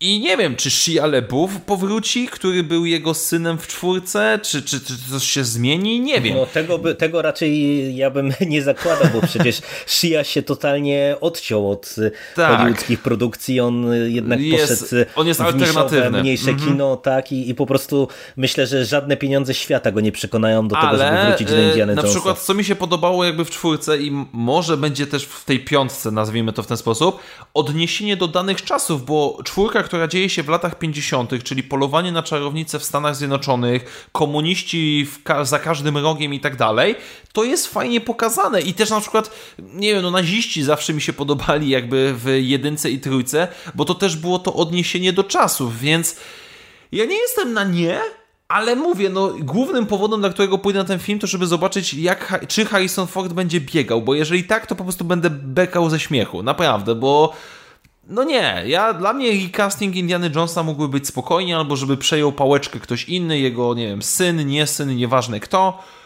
No bo niech będzie. Ja spoko, okej. Okay. Jako fan Indiana Jonesa, jako osoba, która uwielbia praktycznie wszystko z nim związane, z miłą chęcią zobaczę. Ja nie mam wizji, wiecie? No niby się mówiło, że solo bez, solo bez Forda nie ma racji bytu, solo bez Forda miał rację bytu, więc pewnie Indiana Jonesa też dałoby się zrobić bez Forda i mógłby to by być świetny film. E, no miałbym, miałbym problem, bo jednak solo był postacią e, no, równoległą w filmie, a tutaj to mamy film z Indiana Jones, nie? z jego imieniem, nazwiskiem w tytule. Cztery filmy, on tam jest kluczową postacią. Wymiana aktora byłaby dla mnie mm, trudna do zaakceptowania ale no, tak jak mówię, to mógłby powstać świetny film.